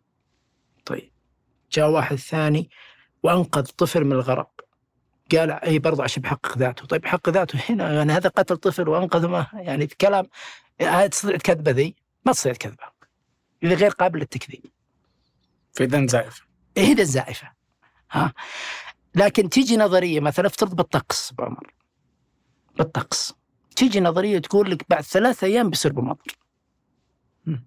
يقربك يا ثلاث أيام ولا لا؟ نصبر لثلاث أيام. صار مطر معناته ما صار مطر معناته كذبت ولا ما كذبت؟ كذبت. فاذا قابل التكذيب ولا ما قابله قابله إذا هذه يقول نظرية علمية. آه. تمام؟ هذا معيار إحنا نسميه الحد الفاصل بين العلم واللا علم جاء صاحبنا اللي قبل شوي توماس كون قال كلام هذا كلام فاضي. حق بوبر إنه القابلية للتكذيب. يقول إنه ما بعمليه ما أقدر أطبقه فعلا يعني بس على الورق هذه تنظير. طيب وش هو وش هو الحد اللي يفصل يا توماس كون؟ قال إن العلم يحل اللغز. النظرية العلمية عنده لغز وتحله. يعني مثلا علم الفلك الفلك في فلك وتنجيم. وهذا يقول علم وذا يقول له علم. ممتاز. الفلك فيه لغز. إنه والله وشلون حدث هذا الحدث الفلكي؟ ويفسره. أنه نظرا لمثلا لأنه يدور بالمسار البيضاوي بطريقة معينة وكذا وكذا وكذا ويفسر. اذا في لغز يفسر. التنجيم ما ما, ما في لغز. ما في لغز أصلا. يقول لك والله إحنا يعني نما إلى علمنا من خلال ال- ما ما يعني ال- ال- ال- المعرفة الحدسية الداخلية إنه بيصير لك كذا. طيب وش وش بيصير لي؟ وعلى أساس. فبالتالي يقول العلوم الزائفة أصلا ما عنده قضيه ما عنده ما, ما في لغز ولا تقدر تحله. فجاب هال- المعيار أنا وجهة نظري على كل حال أنا أقول مم، يعني فكرة توماس كون صراحة ممكن يستفاد منها. قبل التكذيب فعلا أنا أشوف إنه يعني صعب تطبيقه من الناحيه العملية. لكن عندنا الضابط اللي مثل ما قلت لك إنه العلم الحقيقي يا أبو عمر هو العلم البرهاني. يعطيك برهان يعطيك دليل. وأنت تقبله. والجماعة العلمية تقبله. العلم الزائف كلام بدون دليل وبدون برهان. أعتقد إن هذا ضابط جدا ممتاز. عشان كذا الفلسفة مو بعلم. ابدا. آه. إيه ما بعلم. ما بعلم. أنا أقول لك ولا وهم هم هم هم يبون يصير علم. عشان كذا أنا قلت لك أبو عمر الفلسفة برهانية مضمونية قوة المضمون. مم. بس هو يعني الكلام المفسر ما يقدر يعطيك شيء متماسك يعني دليل متماسك برهان لأنه ما يستخدم التجربة ولا يستخدم شلون بيعطيك؟ وبالتالي نوعية براهين الفلسفة أبو عمر براهين وأدلة ذات طابع عقلاني عقلي تحليلي استنتاجي يعني في الغالب بهذه. آه، لغوي دلالي. إيه. ف- فمن هذا النوع. فأنت آه، يعني ممكن تقبل ممكن ما تقبل. عشان كذا الفلسفة تراها تحتم. بو يعني أنت ممكن الفلسفة تطرح فكرة تجد أشد المؤمنين بها وتجد أشد الكافرين بها. الله يعطيك العافية. شكرا جزيلا لك. الله يحييك أبو عمر وأنا أشكرك. الله يسعدك. شكرا لك. شكرا آه، لكم. شكرا لأحمد التويجري وأيمن الحمادي في إعداد الحلقة ياسر بن غانم خلف الكاميرات وعبد المجيد العطاس في تلوين الحلقة وجميل عبد الأحد في آه، التحرير والهندسة الصوتية ضياء الدين المدني وفي الإنتاج أصيل بافرط. هذا فنجان أحد منتجات شركة ثمانية للنشر والتوزيع. ننشر كل الإنتاج بحب من مدينة الرياض. الأسبوع المقبل ألقاكم. أتوقع أن المسلمين عندهم عداء تجاه الفلسفة أكثر من يعني فتلقى الفلسفة حق الضعيف عندنا لأنه حرام يخليك يعني يخلي لأنه يحط التساؤلات هذه. فلما يحطها قدام تساؤلات فتلقاهم يحرمونه يخلون أنه هذا بطريق إلى الإلحاد دائما أحس في هذا العداء لا شوف أبو عمر يعني الن- الن- النظرة العربية الإسلامية النظرة التراثية للفلسفه النظرة خلينا نقول متحفظة لكن لا يلزم أن جداً. تكون لا شوف اصبر خل يعني خلينا نقول متحفظة وبعدين نشوف الجدة. طيب يلا. هي نظرة متحفظة و... وأنا مع التحفظ. لكن جدا لا ما أنا مع, مع جدا أنا مع المتحفظ. ليه؟ لأنه التيار مرة ثانية التيار الرئيس في الفلسفة الغربية ذا مين ستريم هو تيار أنا أسميه الفلسفة المتمردة. أمم. الفلسفة المتمردة أنا وضعت له تعريف كلمتين وثلاث انها الفلسفة المتمردة هي فلسفة مستغنية مفتقرة. شلون مستغنية مفتقره استغنت عن الله ابتداء فافتقرت انتهاء. بينما الفلسفة المؤمنة مفتقرة مستغنية. نفس الكلمتين بس آه، تقديم وتأخير. الفلسفة المؤمنة مفتقرة مستغنية. افتقرت إلى الله ابتداء فاستغنت به انتهاء. فالفلسفة الغربية هي مشكلتها الرئيس. فلسفة متمردة تجاه الإله. لما تشوف مثلا برتراند برتراند راسل مثلا في مثلا كتابه عبادة الإنسان الحر. تجد كلام يقول أنه ليس من المعقول المنطقي عبادة آه، غير الإنسان يقصد الإله. ويطالب بالتمرد يقول على أساس كذا وكذا. في طبعا ال- ال- الفكر ال- ال- العربي الإسلامي التراثي ضد التمرد صحيح. وذا كان أقول لك متحفظ صحيح. إحنا إحنا إحنا مع الفلسفة المؤمنة. صحيح. وذلك ال ال لما تجي وتقر فلسفة مؤمنة مؤمنة بإله وإن الإله هو الذي خلق الكون ووضع نواميس ووضع شريعة ووضع أخلاق وأنت تتفلسف في الهوامش اللي تستطيع أن تتفلسف بها، يعني أنت ما تستطيع أن تفكر في ذات الله. ولا ت- أنت تستطيع تفكر بالأسماء والصفات التي هو أخبرك عنها.